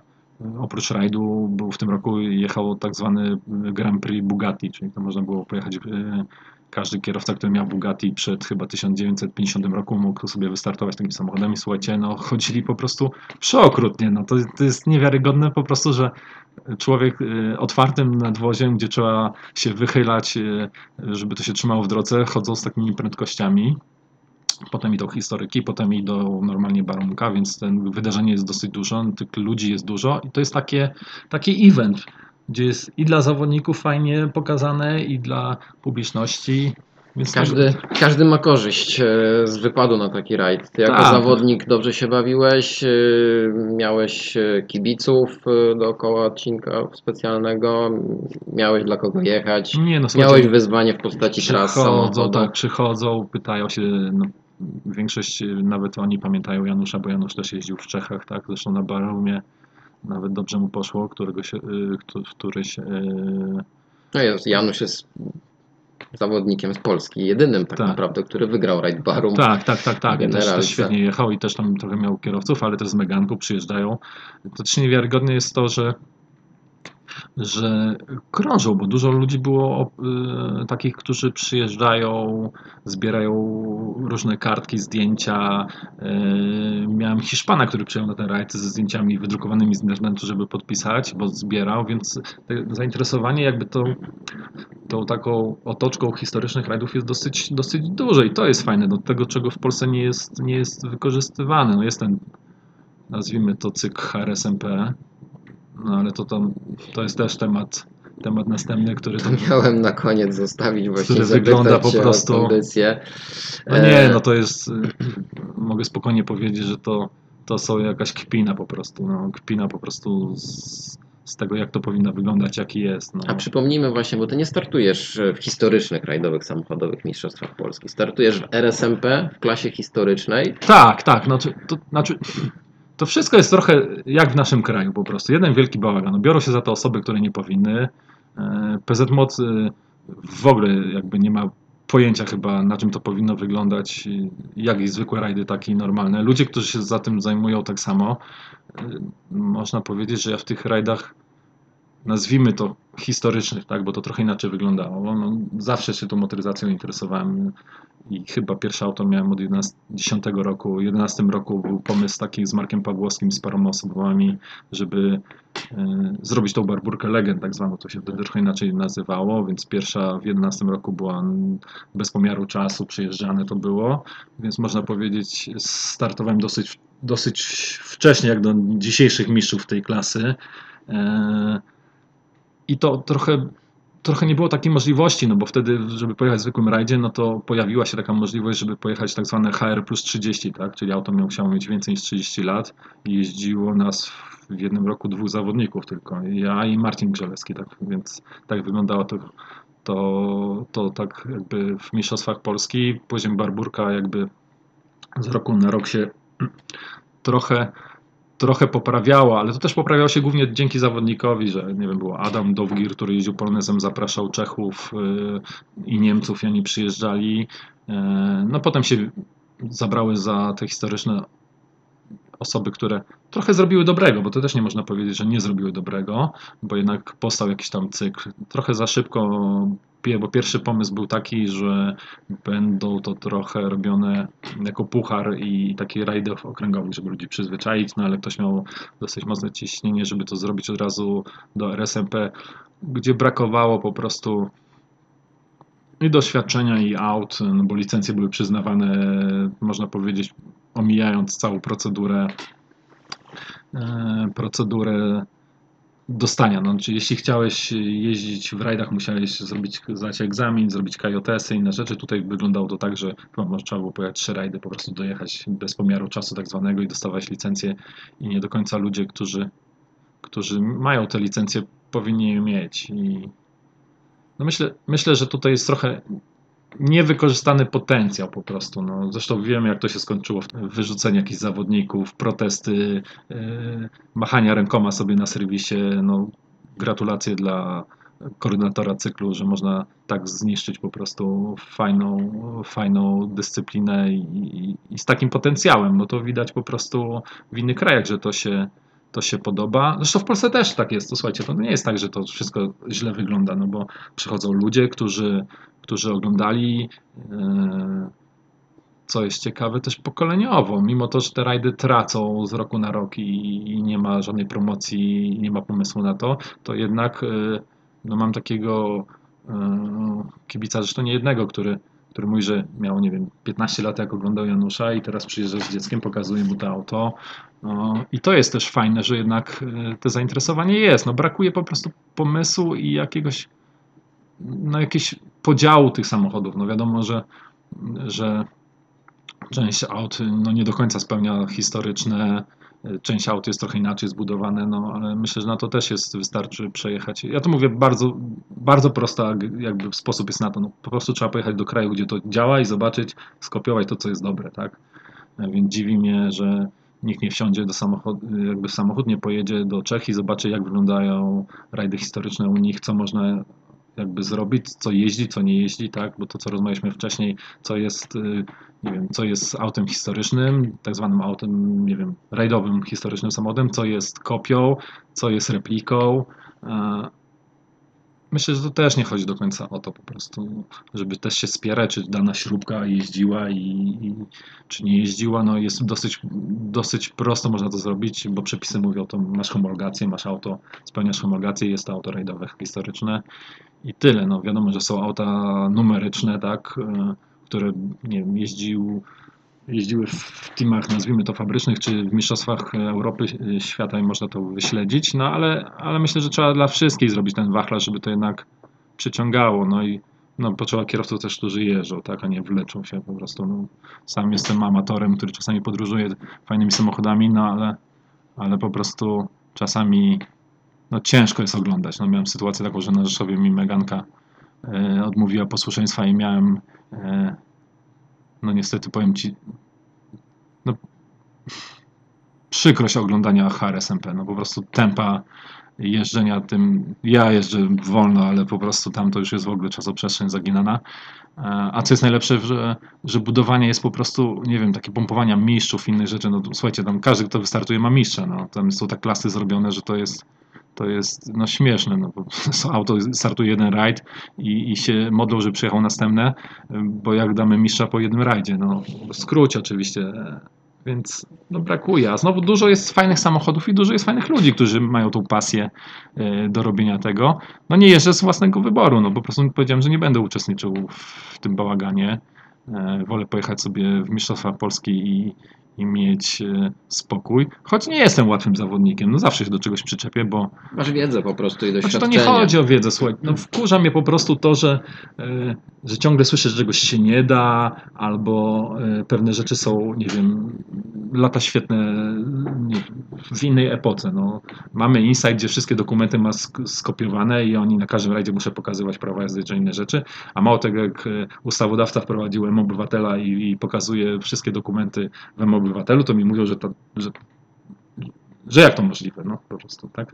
Więc no, milion jest takich rzeczy, no, które jakby się nie trzymają, tak powiem, kupy. No.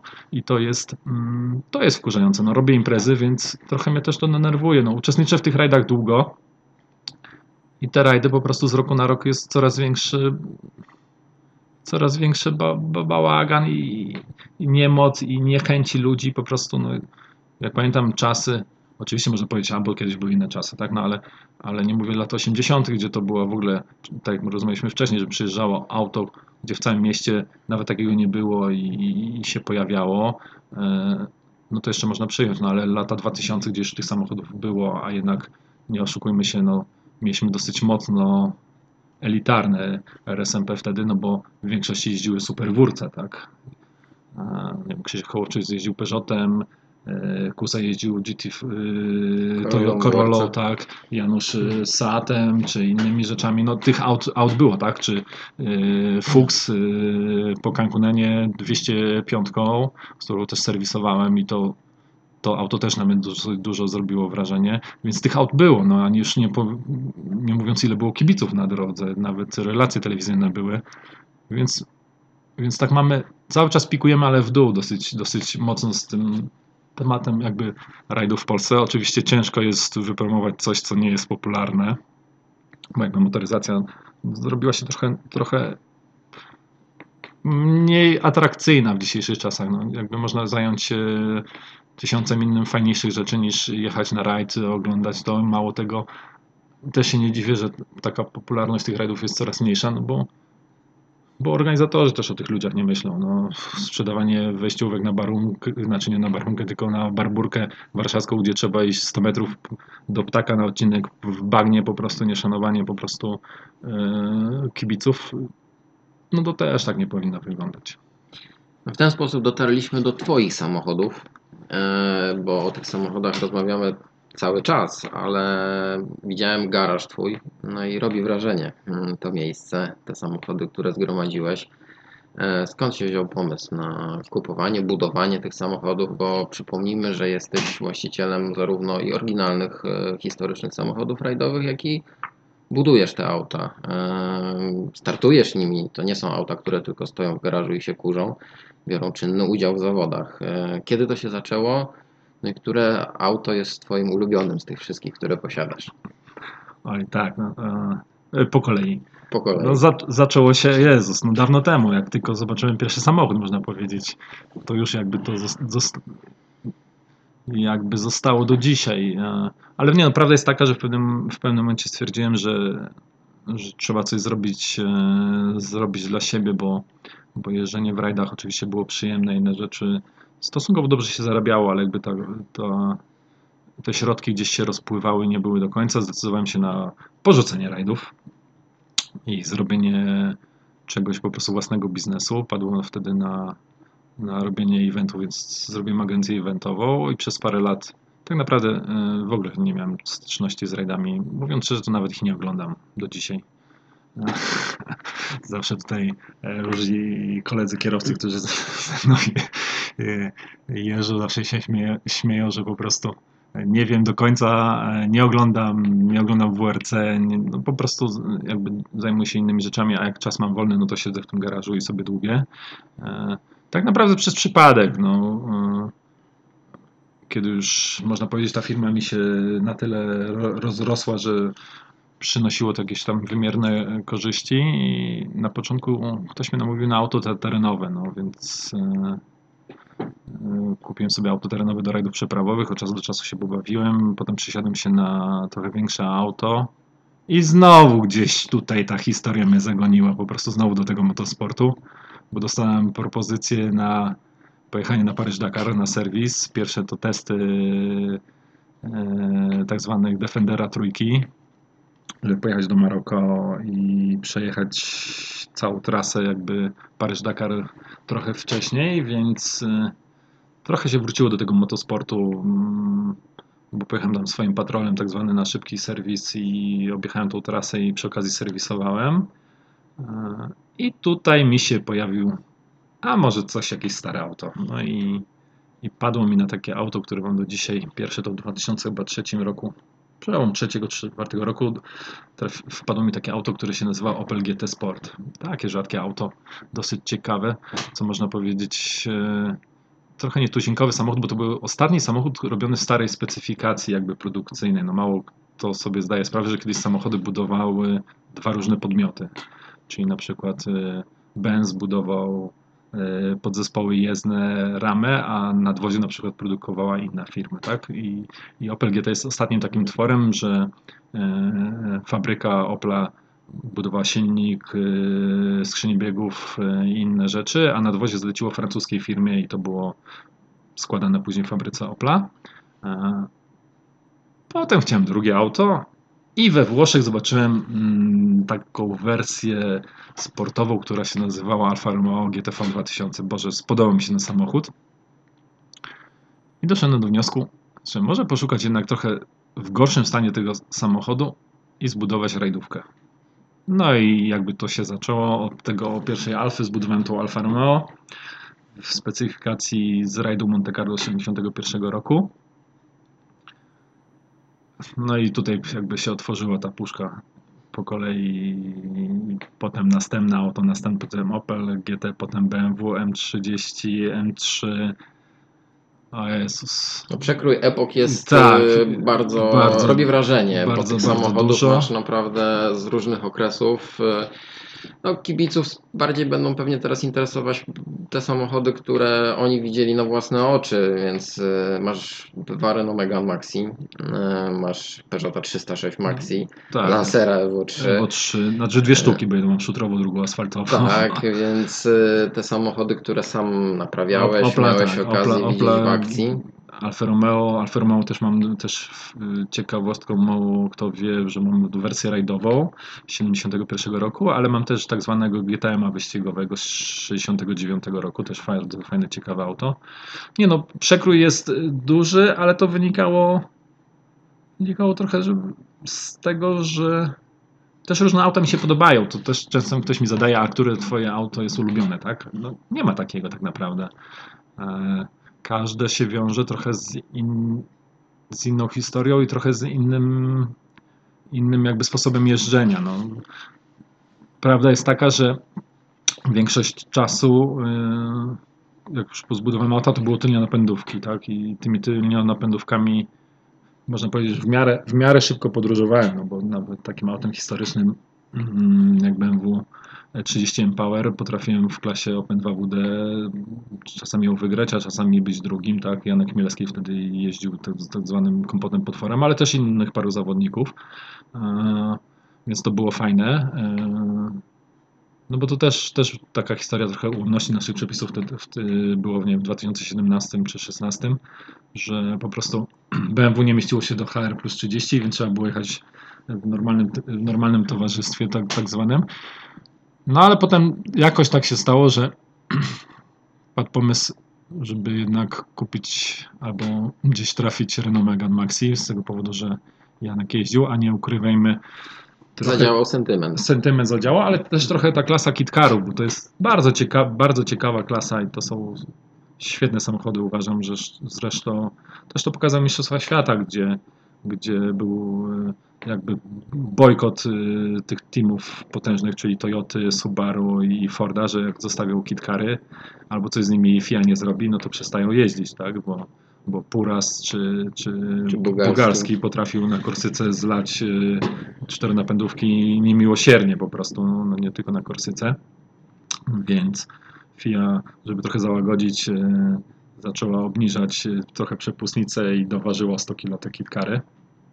Y, Więc trochę, trochę tam uśmiercili no ale wiadomo, no, koncern, kasa decyduje w tym sporcie, nic więcej, więc jeśli, jeśli takie koncerny mówią, że się będą wycofywać i szantażują, no to, to jakby to jakby ktoś inny musi jakby się zgodzić na to, ale kilkare są no, świetnymi samochodami. No, ciężko mi było się przestawić, no, muszę powiedzieć, że e, jeżdżenie tylnią napędówką, a potem przerzucenie się naprzód, no to jest koszmar.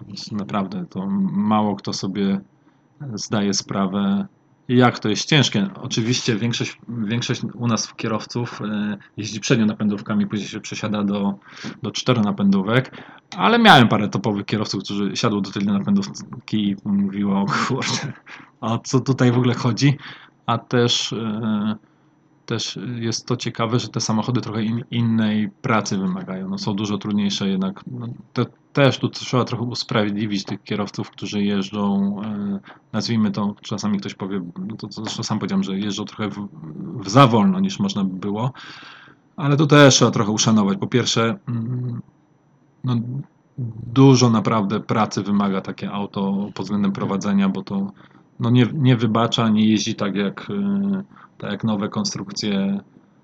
No jest to dosyć duży przeskok umiejętności, po prostu jakby cały dzień w takim aucie potrafi naprawdę mocno styrać. E, a po drugie, też kwestia budowania tego samochodu, no to też nie jest czasami kwestia grubości portfela, bo naprawdę można mieć kasę, a, a części ciężko zdobyć i to tutaj trochę Megan Maxi czy Peugeot trochę pokazuje tego, że niektóre części naprawdę musiałem e, mocno się postarać i akurat mam, ten trochę przywilej, czy jeden z moich znajomych e, Polaków, którzy dawno się wyprowadził do Francji, e, się przyjaźni z Raniottim.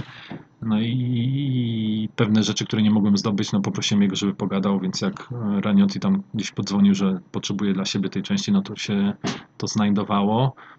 Więc to też jest taki trudny, trudny temat. No. Znajomości jednak trzeba mieć. Znajomości, tak, i czasami, tak, więc czasami, czasami, ale też jakby usprawiedliwiając tych kierowców, no trzeba, trzeba sobie zdać sprawę, że no nie pociśniesz autem za tyle, tyle, nazwijmy to, kasy, bo mało kto sobie zdaje. No, R5 w tej chwili to jest gdzieś, myślę, 200 tysięcy euro można 250 nówkę chyba sztukę można kupić, tak? No Peugeot Maxi w tej chwili to jest 330 tysięcy euro używka, tak? Do której nic nie ma. Tam Meganki Maxi też kosztują podobnie 220 tysięcy euro, więc no masz zawodnika, który najczęściej nie ma sponsorów, bo jeździ za swoje i jedzie autem no dużo droższe niż R5, a jakby zasób części jest zerowy, tak? No w R5 w Skodzie zamówisz sobie, dostaniesz, tak? No poczekasz miesiąc, dwa, ale to jest. No tutaj to albo nie ma w ogóle, albo trzeba otworzyć daną część. Oczywiście dzisiejsze czasy pomagają, ale robić jedną, jedną zwrotnicę do Megan Maxi, no to będzie kosztowało majątek, no bo jednostkowe sztuki zawsze kosztują tyle. Więc trzeba czasami dać, dać e, takiego zrozumienia dla kierowców, że nie wszyscy tymi samochodami muszą iść po prostu, nie wiem, przykład, kolokwialnie mówiąc, piecem, bo no, trzeba szanować. No, takie auto trzeba też szanować. To nie jest tak, że można się rozpędzić, samować. Oczywiście mogę jeździć szybciej Meganką. Są czasami masy, gdzie pójdę szybciej, nawet na, na Barumie, na Barumie Prolo, który nie jest łatwy. Jechałem pierwszy raz, no, miałem trzeci czas gdzie zawodnicy po pierwsze jeżdżą tam topowi w historykach, po drugie no te samochody, zresztą byłeś to wiesz jak są przygotowane, bo eskorty czy eskorty są no, topowe, no, można powiedzieć, że są prawie wórcami. To są ostatnie homologacje na pograniczu wórca, więc potężne moce. Kierowcy też bardzo, bardzo zacni, więc, yy, więc, więc moż, można pojeździć, ale no też trzeba, to co powiedziałem, no, trzeba trochę popatrzeć, że Trzeba zachować tak, y, pewną rezerwę, e, ale może właśnie dlatego tworzy się tyle tych replik dalszym ciągu. Jest eksplozja wręcz y, tych samochodów, szczególnie Fordów w Polsce mam wrażenie. No nie wszystkie te repliki są udane, nie wszystkie są chyba w ogóle takimi autami, które w ogóle kiedykolwiek powinny powstać, mam takie wrażenie. Jak ty oceniasz e, sytuację właśnie tego rynku replik samochodów rajdowych? Czy to jest dobry pomysł, czy one przez to, że powstają w takiej liczbie, zatracają jednak e, na swojej jakiejś oryginalności? Znaczy nie, no, zatra czy zatracają, no. Hmm. To też jest, też jest fajnie, że powstają, tak? Bo to, to, że powstają, no to znaczy. Ja to w ogóle trochę traktuję te, te swoje jeżdżenie tak trochę, mm, nazwijmy to, żeby pokazać, e, że można, tak, z takimi samochodami jeździć, że jeździły, tak, i że te rajdy trochę inaczej wyglądały, że nie wszystko musi wyglądać jednakowo. E, no bo taki przykład podobno zaprosiłem swojego sąsiada, który jest prezesem bardzo dużej firmy w Polsce międzynarodowej na rajd, który się no, trochę interesuje się motoryzacją. No, nie wiem, dwa samochody, motocykl jakieś tam czasami się popyta. E, I zaprosiłem go na rajd Rzeszów i mówi, Boże, no, mówi, kula, no, tego się nie da oglądać, no po prostu nuda jak 150, tak? Mówię, po pierwsze, wszystkie samochody z TR5 wyglądają bardzo podobnie, ciężko je rozróżnić. E, Wszystkie są bardzo podobnie graficznie, bo jeden grafik to robi najczęściej w Polsce. I to, że to auto jedzie efektywnie i bardzo szybko, to jedzie nijak, tak? No bo nie oszukujmy się, tempo jest, nawet przy wurtu czasami jak się jakieś filmiki ogląda, jak młod- młode łebki tym idą, no to prędkości jakby czas jest nieziemski, tak? Ale no to są sekundy do przelatywania między innymi rzeczami. Dla mnie ten, w tym nowym wydaniu, no jest to nudne, tak? Dla mnie nie ma żadnej zabawy jechać na rajd oglądania tych nowych, e, nowych samochodów. Stare tak, tak jak na Rail Legend, czy Abro, czy... No, ale to może też sentymentalnie do tego podchodzę i to jest e, e, subiektywne odczucie, tak? Bo to, co mówimy, no ja tą motoryzacją jestem troszkę związany trochę od in- innego jakby, z innej czasoprzestrzeni, tak? A to, że powstają, no dobrze, no to jest takie auto, które też rozmawialiśmy przed nagraniem, że jedno z aut, czyli Audi S1, tak? No auto, które oczywiście jest super samochodem, tak? Ale tego auta bym nigdy nie chciał, no nigdy, nawet nie pomyślałem o tym samochodzie. Powstało tego miliony sztuk w Europie, bo jakaś taka moda wystrzeliła tego. Co chwilę się po- pojawiają te auta. E, auto tak naprawdę, które historycznie nic nie zdobyło. No powiedzmy sobie szczerze, tak? E, to nie jest e, jakiś top topów parę razy, nie wiem, że wygrało Mistrza Świata czy inne rzeczy. Oczywiście na tamte czasy, no to straszny potwór, tak? No, to, to, tak trochę wracamy do tej, do tej motoryzacji takiej B-grupowej, gdzie się pojawiały różne, różne potężne wynalazki.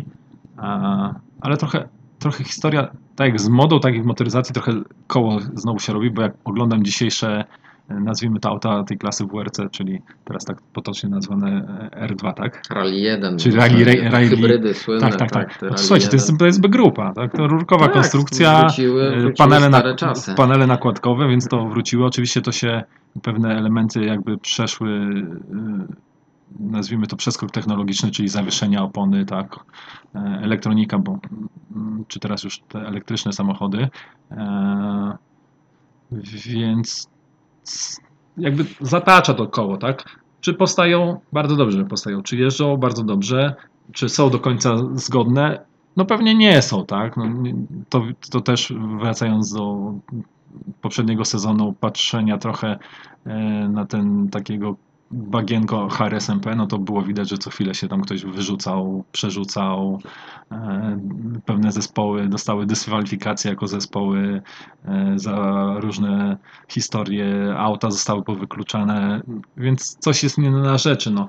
Mi się podoba taki system, nie wiem, czes, czeski czy nawet w Europie, to też się dziwię, że w Polsce nie ma, że, że, auto, że trzeba te auta historyczne podzielić trochę na, na różne kategorie. No.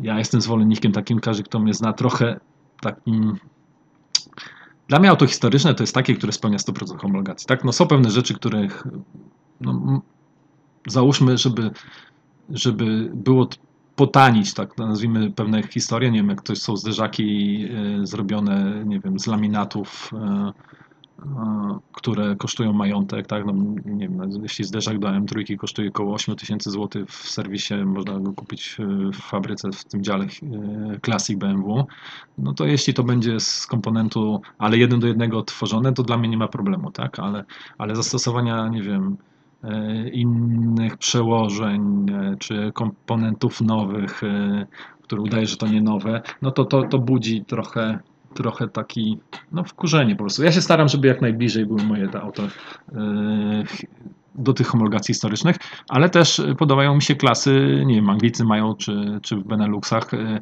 tak zwane MK1 eskorty Cosworthy z 8-biegową skrzynią biegów i z silnikami ZTK odprężonymi e, i waży to auto 800 kg i takie Poldiana, no, to, jest, to jest przykład po prostu, że, że można w karoserii zrobić nowe elementy i, i to też świetnie będzie i tacy, takie auta powinny się znaleźć w tych klasie historycznych, bo to daje kolorytu, tak? Mm, I wtedy robimy klasę open, robimy, nie wiem, cztery napęd i, i ośki i dzielimy to po prostu takie auta, robimy auta historyczne 100% zgodne, tak, albo auta nie, nie do końca zgodne, nie wiem, tą klasę open historyk, tak, czyli jakieś tam części są niezgodne, bo wiadomo, nie wszystkich stać na to, tak, nie wszyscy też chcą zainwestować e, takie pieniądze i rozbić ten samochód, więc zbudują gdzieś po środku takie auto, tak, dla nich wszystkich powinno być miejsce, czego nie ma w dzisiejszych rajdach, no ktoś powie, że tam jest ta klasa open, ale to też jest tak trochę zrobiona e, do góry nogami, więc e, fajnie, że postają, fajnie, że się budują.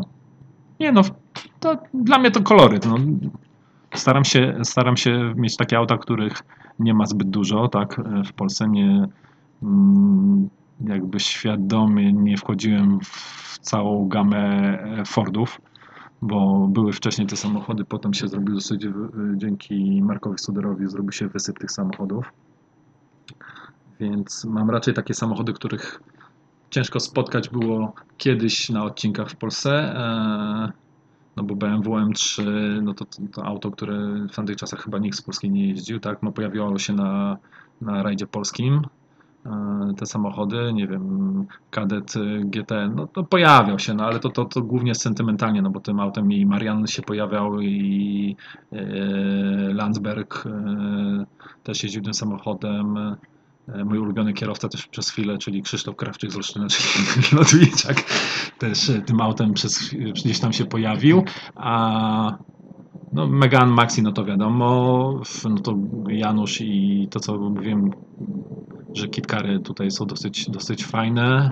E, No, Lancer trójeczka, no to wiadomo, no to, to tak trochę pozostałości sentymentalne po, po Kuzaju, ale znając jakby ułomność tych enek, więc od razu e, budowa ma grupę.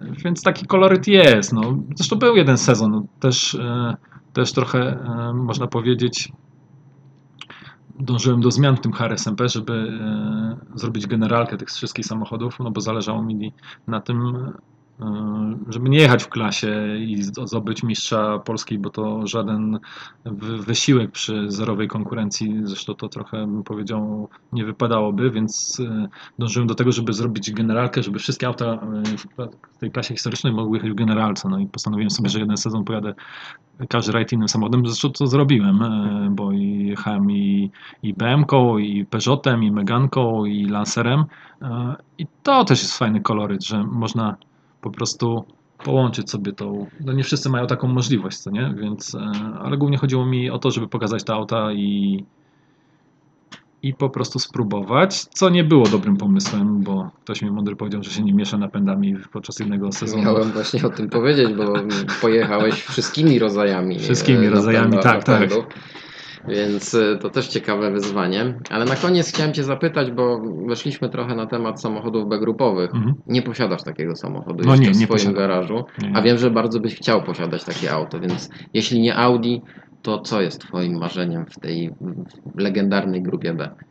Oj, no to czemu nie posiadam? No, nie posiadam z tego powodu, że chciałbym, no, chciałbym mieć najbardziej zbliżone do oryginału albo oryginał, więc to te ceny po prostu powindowały. Zresztą to też, też jakby mając e, różne samochody, bo też e, widziałeś jakby ten mój garaż, więc e, mam też dużo samochodów tak zwanych produkcyjnych, tak? Może nie, nie, nie oczywistych, tak? Ale ale są to, czyli Lancia Delta Integrale w dwójkę, czy Escorta Cosworta, czy Toyota GT4, czy Subaru e, Typera w takiej limitowanej wersji, e, to jednak ostatnie lata pokazały to, że jakby zrobiło się to modne i jakby ta wartość tych samochodów no, poszła dosyć, dosyć mocno do góry i, i rajdówki też osiągają ceny bardzo duże. No, no B grupy, no, no grupa to B grupa, tak, co by nie było. No jest, jest dużo tych samochodów, no ale zawsze zawsze, może też nieoczywiste, e, nie Audi, nie Lancia, tak, choć uważam, że Lancia, nie wiem, S, S4 jest super samochodem,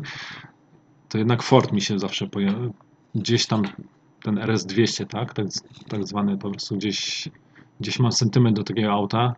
Mm, Chyba najbardziej doskonała konstrukcja grupy B na tamte czasy. No tak, tak, chociaż prawie, prawie w ogóle nie wyjechało, no, znaczy nie jeździło. to- Pojechało kilka rajdów, No, ale no zresztą- nie osiągnął ten Zresztą chyba najtragiczniejszy zdążył. wypadek ma w tamtych y, czasach y, ten samochód.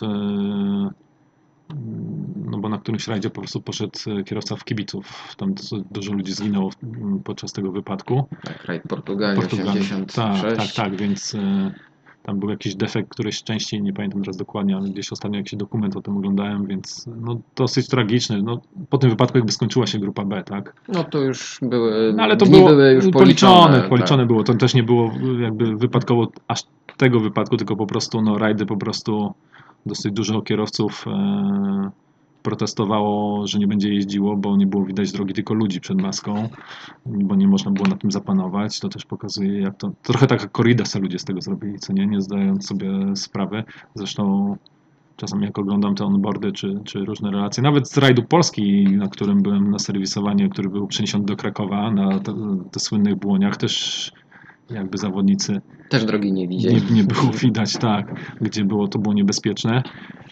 Ale tak naprawdę autem, który jest przekosmiczny dla mnie w ogóle niezrozumiały, to jest metro.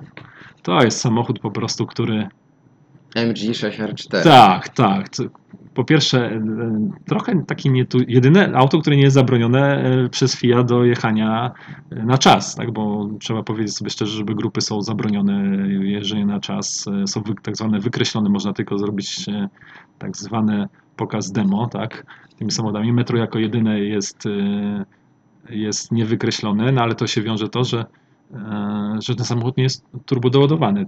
To jest jednostka po prostu sześciocylindrowa, wolnostak. I to jest, co prawda chyba jestem za duży do tego samochodu, ale to jest samochód, który Tony Pont też był wysoki, też był wysoki. i bardzo ale dobrze sobie jeśli, radził jeśli, autem. jeśli ktoś nie widział na żywo, ale nawet parametry tego auta sobie zobaczy, to rozstaw osi i tego samochodu jest no, Kwadratura taka. Tak, tak, tak, tak, konstrukcyjna. kwadratura.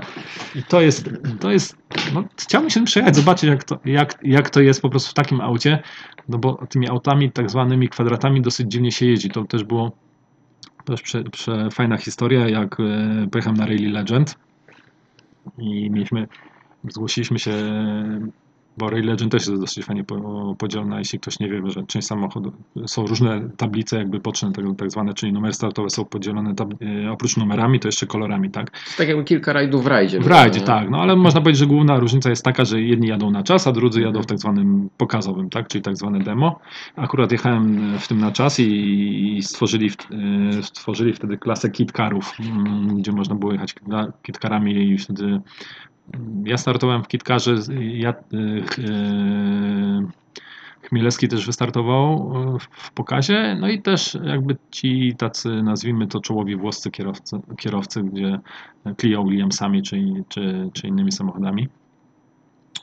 I też nie, niesamowita historia, a historia, ja to się śmiałem strasznie, że mieliśmy w- konkurenta mm, starszego pana, e, Włocha, który miał e, Clio Maxi, jechał wtedy, e, faktycznie tabliczka 001, ale historia auta w środku, nawet po papierkach, e, po cukierkach przy pilocie wskazywała, że z 10 lat nie było sprzątane czy inne rzeczy. No, śmieszna załoga jak to Włosi. No i, i, i tak się człowiek patrzy na ten samochód, patrzy na tego kierowcę, mówi, nie, no jakiś tam dziadek, damy sobie radę, tak? No, zlał nas niemiłosiernie po prostu. Nawet tam się Janko, Jankowi Chmielskiemu się śmiałem, mówię, zobacz na jego tabli- te tarcze hamulcowe popękane, gość taki idzie bombą. Ale on właśnie fajną, fajną rzecz mi powiedział, żebym się nie przejmował, bo naprawdę trzeba się nauczyć jeździć tym autem kwadratem, tak? Bo jeśli ktoś się przyjrzy Renault Megane Maxi czy wszystkimi kitkarami, one są bardziej kwadratami niż e, prostokątami i to jeżdżenie jest trochę inne. Ten samochód ten samochód z prędkością robi się łatwiejszy, tak? Zresztą też to zauważam jakby po sobie, że czym śmielej tym samochodem jadę, tym jest troszkę łatwiej, co nie? Chociaż, chociaż no, potrafi, no, to przedni napęd. Ja cały, cały czas się uczę tego przedniego napędu, nie rozumiem tego napędu do końca. Zresztą też odruchy, to jest też nie, niesamowite, że jak człowiek przyzwyczai swój organizm, czy nawet procesor myślowy, to pewne rzeczy robisz e, nie myśląc, tak? Nie wiem, w tym napędówce te zachowania takie, nie wiem, nazwijmy to odruchami Pawłowa, e, są tak zakorzenione, że czasami jeszcze teraz się łapię w Megance, że po prostu mówię, Boże, no, nie, nie odpuszczaj gazem, nie pompuj, tylko trzymaj i zbij bieg, a dupa gdzieś za tobą podąży w dobrym kierunku, czego w tylnie napędówce nie ma. Więc jest to koloryt. No. Rajdy historyczne naprawdę są fajne. Historyczne samochody są świetne, więc kibicuję, żeby to wszystko się uporządkowało w tym naszym czempionacie narodowym, e, e, że ktoś jednak to uporządkuje, że będzie można pojeździć. No tu też są. Brakuje po prostu kogoś, kto by trochę to towarzystwo całe uporządkował, stwierdził to, co rozmawialiśmy, co jest autem historycznym, co nie jest, co, co znaczy historia polskich rajdów, mm, bo jeśli, jeśli mnie by ktoś się spytał o auto historyczne i jeszcze jakby w Polsce, no to, no to jednak te lata wczesne 90., 2000 to jest historia polskich rajdów, tak? No wcześniej oczywiście czapki z głów jeżdż, w zasadzie e, czy paru innym kierowcom, tak? Ale te rajdy nie, nie miały aż takiego kolorytu i aż takiej jakby genezy, tak? E, Jednak jeśli kogoś się spytamy, no to pamięta czasy Bublewicza, tak? Chociaż tu też już jest, nazwijmy to, to coraz mniej tych ludzi, którzy się pojawiają, no bo wiadomo, że z wiekiem, tak? Ale więcej, więcej ludzi pamięta, czy przy, przywozi następne pokolenia z czasów 90., czyli nie wiem, Meganek, Maxi, Lancerów czy inne rzeczy, niż Syrenek. No, więc też trzeba było się zastanowić, co jest, co, w co warto inwestować i czy te klasy jednak jakby udostępnić. Bo co jest, co jest też dziwne, no w Czechach możesz, e, auto historyczne jest do 96 roku możesz wystartować, tak? Czyli bazowo, bazowo ma, e, przyznania, znaczy przyznania no, do klasy historycznej to jest tak zwany 31.12.96 rok. To jest ostatni jakby zakres homologacji. Jeśli masz auto do tego czasu, to jest auto historyczne. U nas w Polsce uparli się, nie wiem po co w ogóle, do trzymania się ściśle przepisów FIA, e, czyli tych mistrzostw Europy historycznych, że auto ma być do 90 roku, tak? I trzymają się tych przepisów gdzie tych aut, jeśli się tak przyjrzymy w tych mistrzostwach Europy, tak naprawdę nie jeździ zbyt dużo, e, bo najczęściej te rajdy są połączone, czyli nie wiem, tak jak teraz było na Węgrzech, e, któryś rajd kończących, no nie wiem, jedzie 7 aut w tych mistrzostwach Europy, i, a znowu 90 jedzie w krajowym czempionacie historyków, więc nie wiem czemu u nas tak się trzymają tego, tego roku 90. Uważam, że jakby zrobili do 96, to jakby te czasy nie wiem, lancerów, trójek, e, galantów, eskortów pierwszych, e, czy Megan Maxi, czy Kitkarów, no, koloryt, by byłby większy koloryt. No.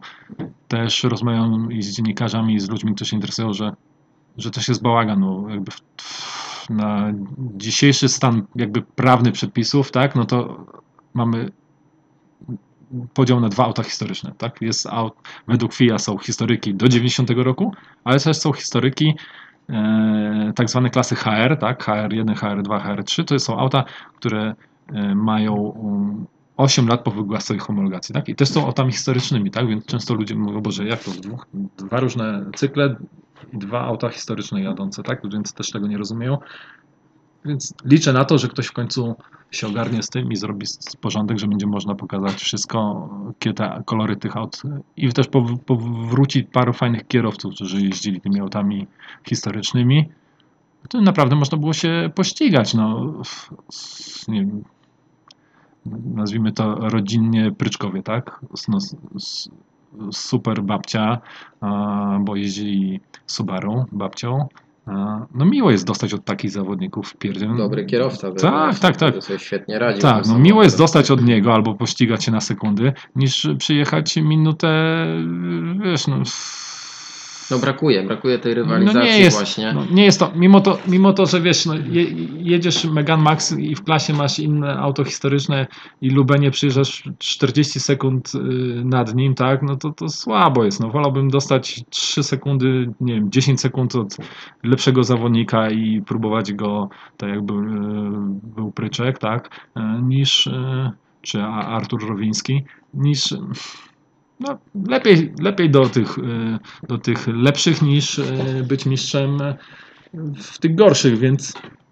no, brakuje mi trochę takich zawodników, z którymi można byłoby się po, pościgać tak naprawdę. No, akurat ja tutaj wychodzę z założenia, że traktuję te auta troszkę użytkowo, że jednak staram się jak jadę na rajd, a definicja rajdu chciałbym przypomnieć dla wszystkich jest pokonania odcinka o długości takiej, jak najkrótszym czasie, tak? To nie jest pokaz, nie wiem, piękności, czy elegancji, czy inne rzeczy, tylko po prostu na czas. No jak odpala te zielone światełko, no to idziesz, idziesz, e, idziesz ile tylko jakby tam fabryka dała, ile nasz umiejętności i czasami rozwagi po prostu. No wszystko decyduje, wiesz, e, ten łącznik między pedałem gazu, więc czasami, czasami się śmieje jak nasi kierowcy rajdowi, e, nawet ci topowi mówią, jak się coś wydarzyło, a opona nie skleiła, tak? No, to jest po prostu e, opona nie skleiła. No nie, nie skleiła, tylko po prostu za, za szybko, po prostu no stary, jechałeś za szybko, a nie, że nie, opona nie skleiła, tutaj nie ma nic, e,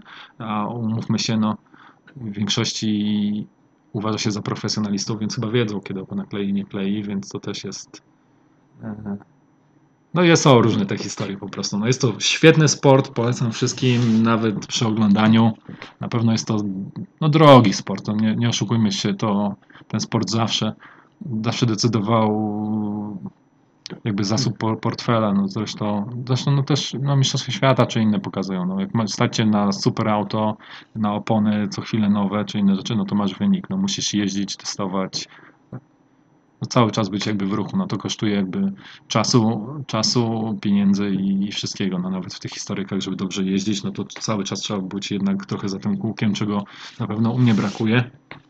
Po pierwsze, po pierwsze trochę i czasu, trochę szkoda jakby jeżdżę, no, powinno się jeździć tymi autami jakby, którymi startujesz, więc brania co chwilę meganki, wyciągania ją na jakieś testy, no to też się wiąże z dużymi kosztami, bo i silniki, skrzynia biegów i, i inne rzeczy, a też się zużywa, więc trochę czasami człowiekowi szkoda jest po prostu, że coś się wydarzy, czy, czy jakby inwestowania w pewne części co, co chwilę, no bo półosie czy inne rzeczy, no to wymienia się dosyć regularnie, to też nie jest tak, że auto historyczne to tylko umyć, pojechać na rajd, nakleić naklejki, no Meganka jest, ze mnie się śmieją, że po prostu już tyle razy co wyciągam silnik w tym Megance, to jest nieprzyzwoite, no bo cokolwiek zrobić w kitkarze, no to najłatwiej jest wyciągnąć silnik, bo cały zespół napędowy zjeżdża w dół i masz wszystko na wierzchu, więc średnio e, co raj to wyciągam silnik i, i, i grzebię, więc to też no dużo miłości to potrzebuje, no to też jest tak, że e, tak się śmieję, że fajnie mieć jedno auto rajdowe i to naprawdę jest świetne, dwa no też fajnie, ale wszystko powyżej trzech, no to nie jest dobrze po prostu. No zresztą też jak się kolekcjonuje samochody, zawsze jakaś jest historia, coś nie chce odpalić, coś, coś się zepsuje przez chwilę, e, więc to też są historie nie, niesamowite, no, że przychodzisz rano i patrzysz pod samochód, jest jakaś plama oleju, tak? Patrzysz na ten znaczek, no mówisz Alfa Romeo, tak? Albo Lancia, tak? Mówisz, no nie, no po prostu. Wycierasz plamę, przejeżdżasz, miesiąc stoi auto, nie ma plamy, tak?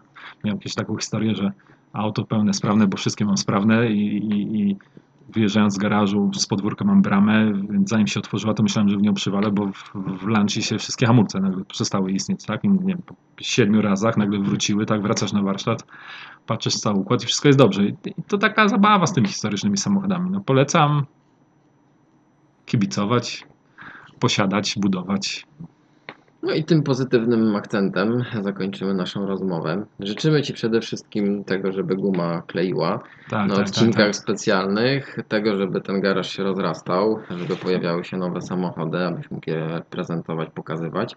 No i przede wszystkim dziękujemy Ci, że znalazłeś dla nas czas Nie no, i było. zgodziłeś się na rozmowę. E, Także serdecznie jeszcze raz dzięki e, i do usłyszenia. Do usłyszenia, pozdrawiam. Three right minus, tightens cap. Para la salta izquierda, buena más. Poco tarde, viene izquierda más. Sześć prawy do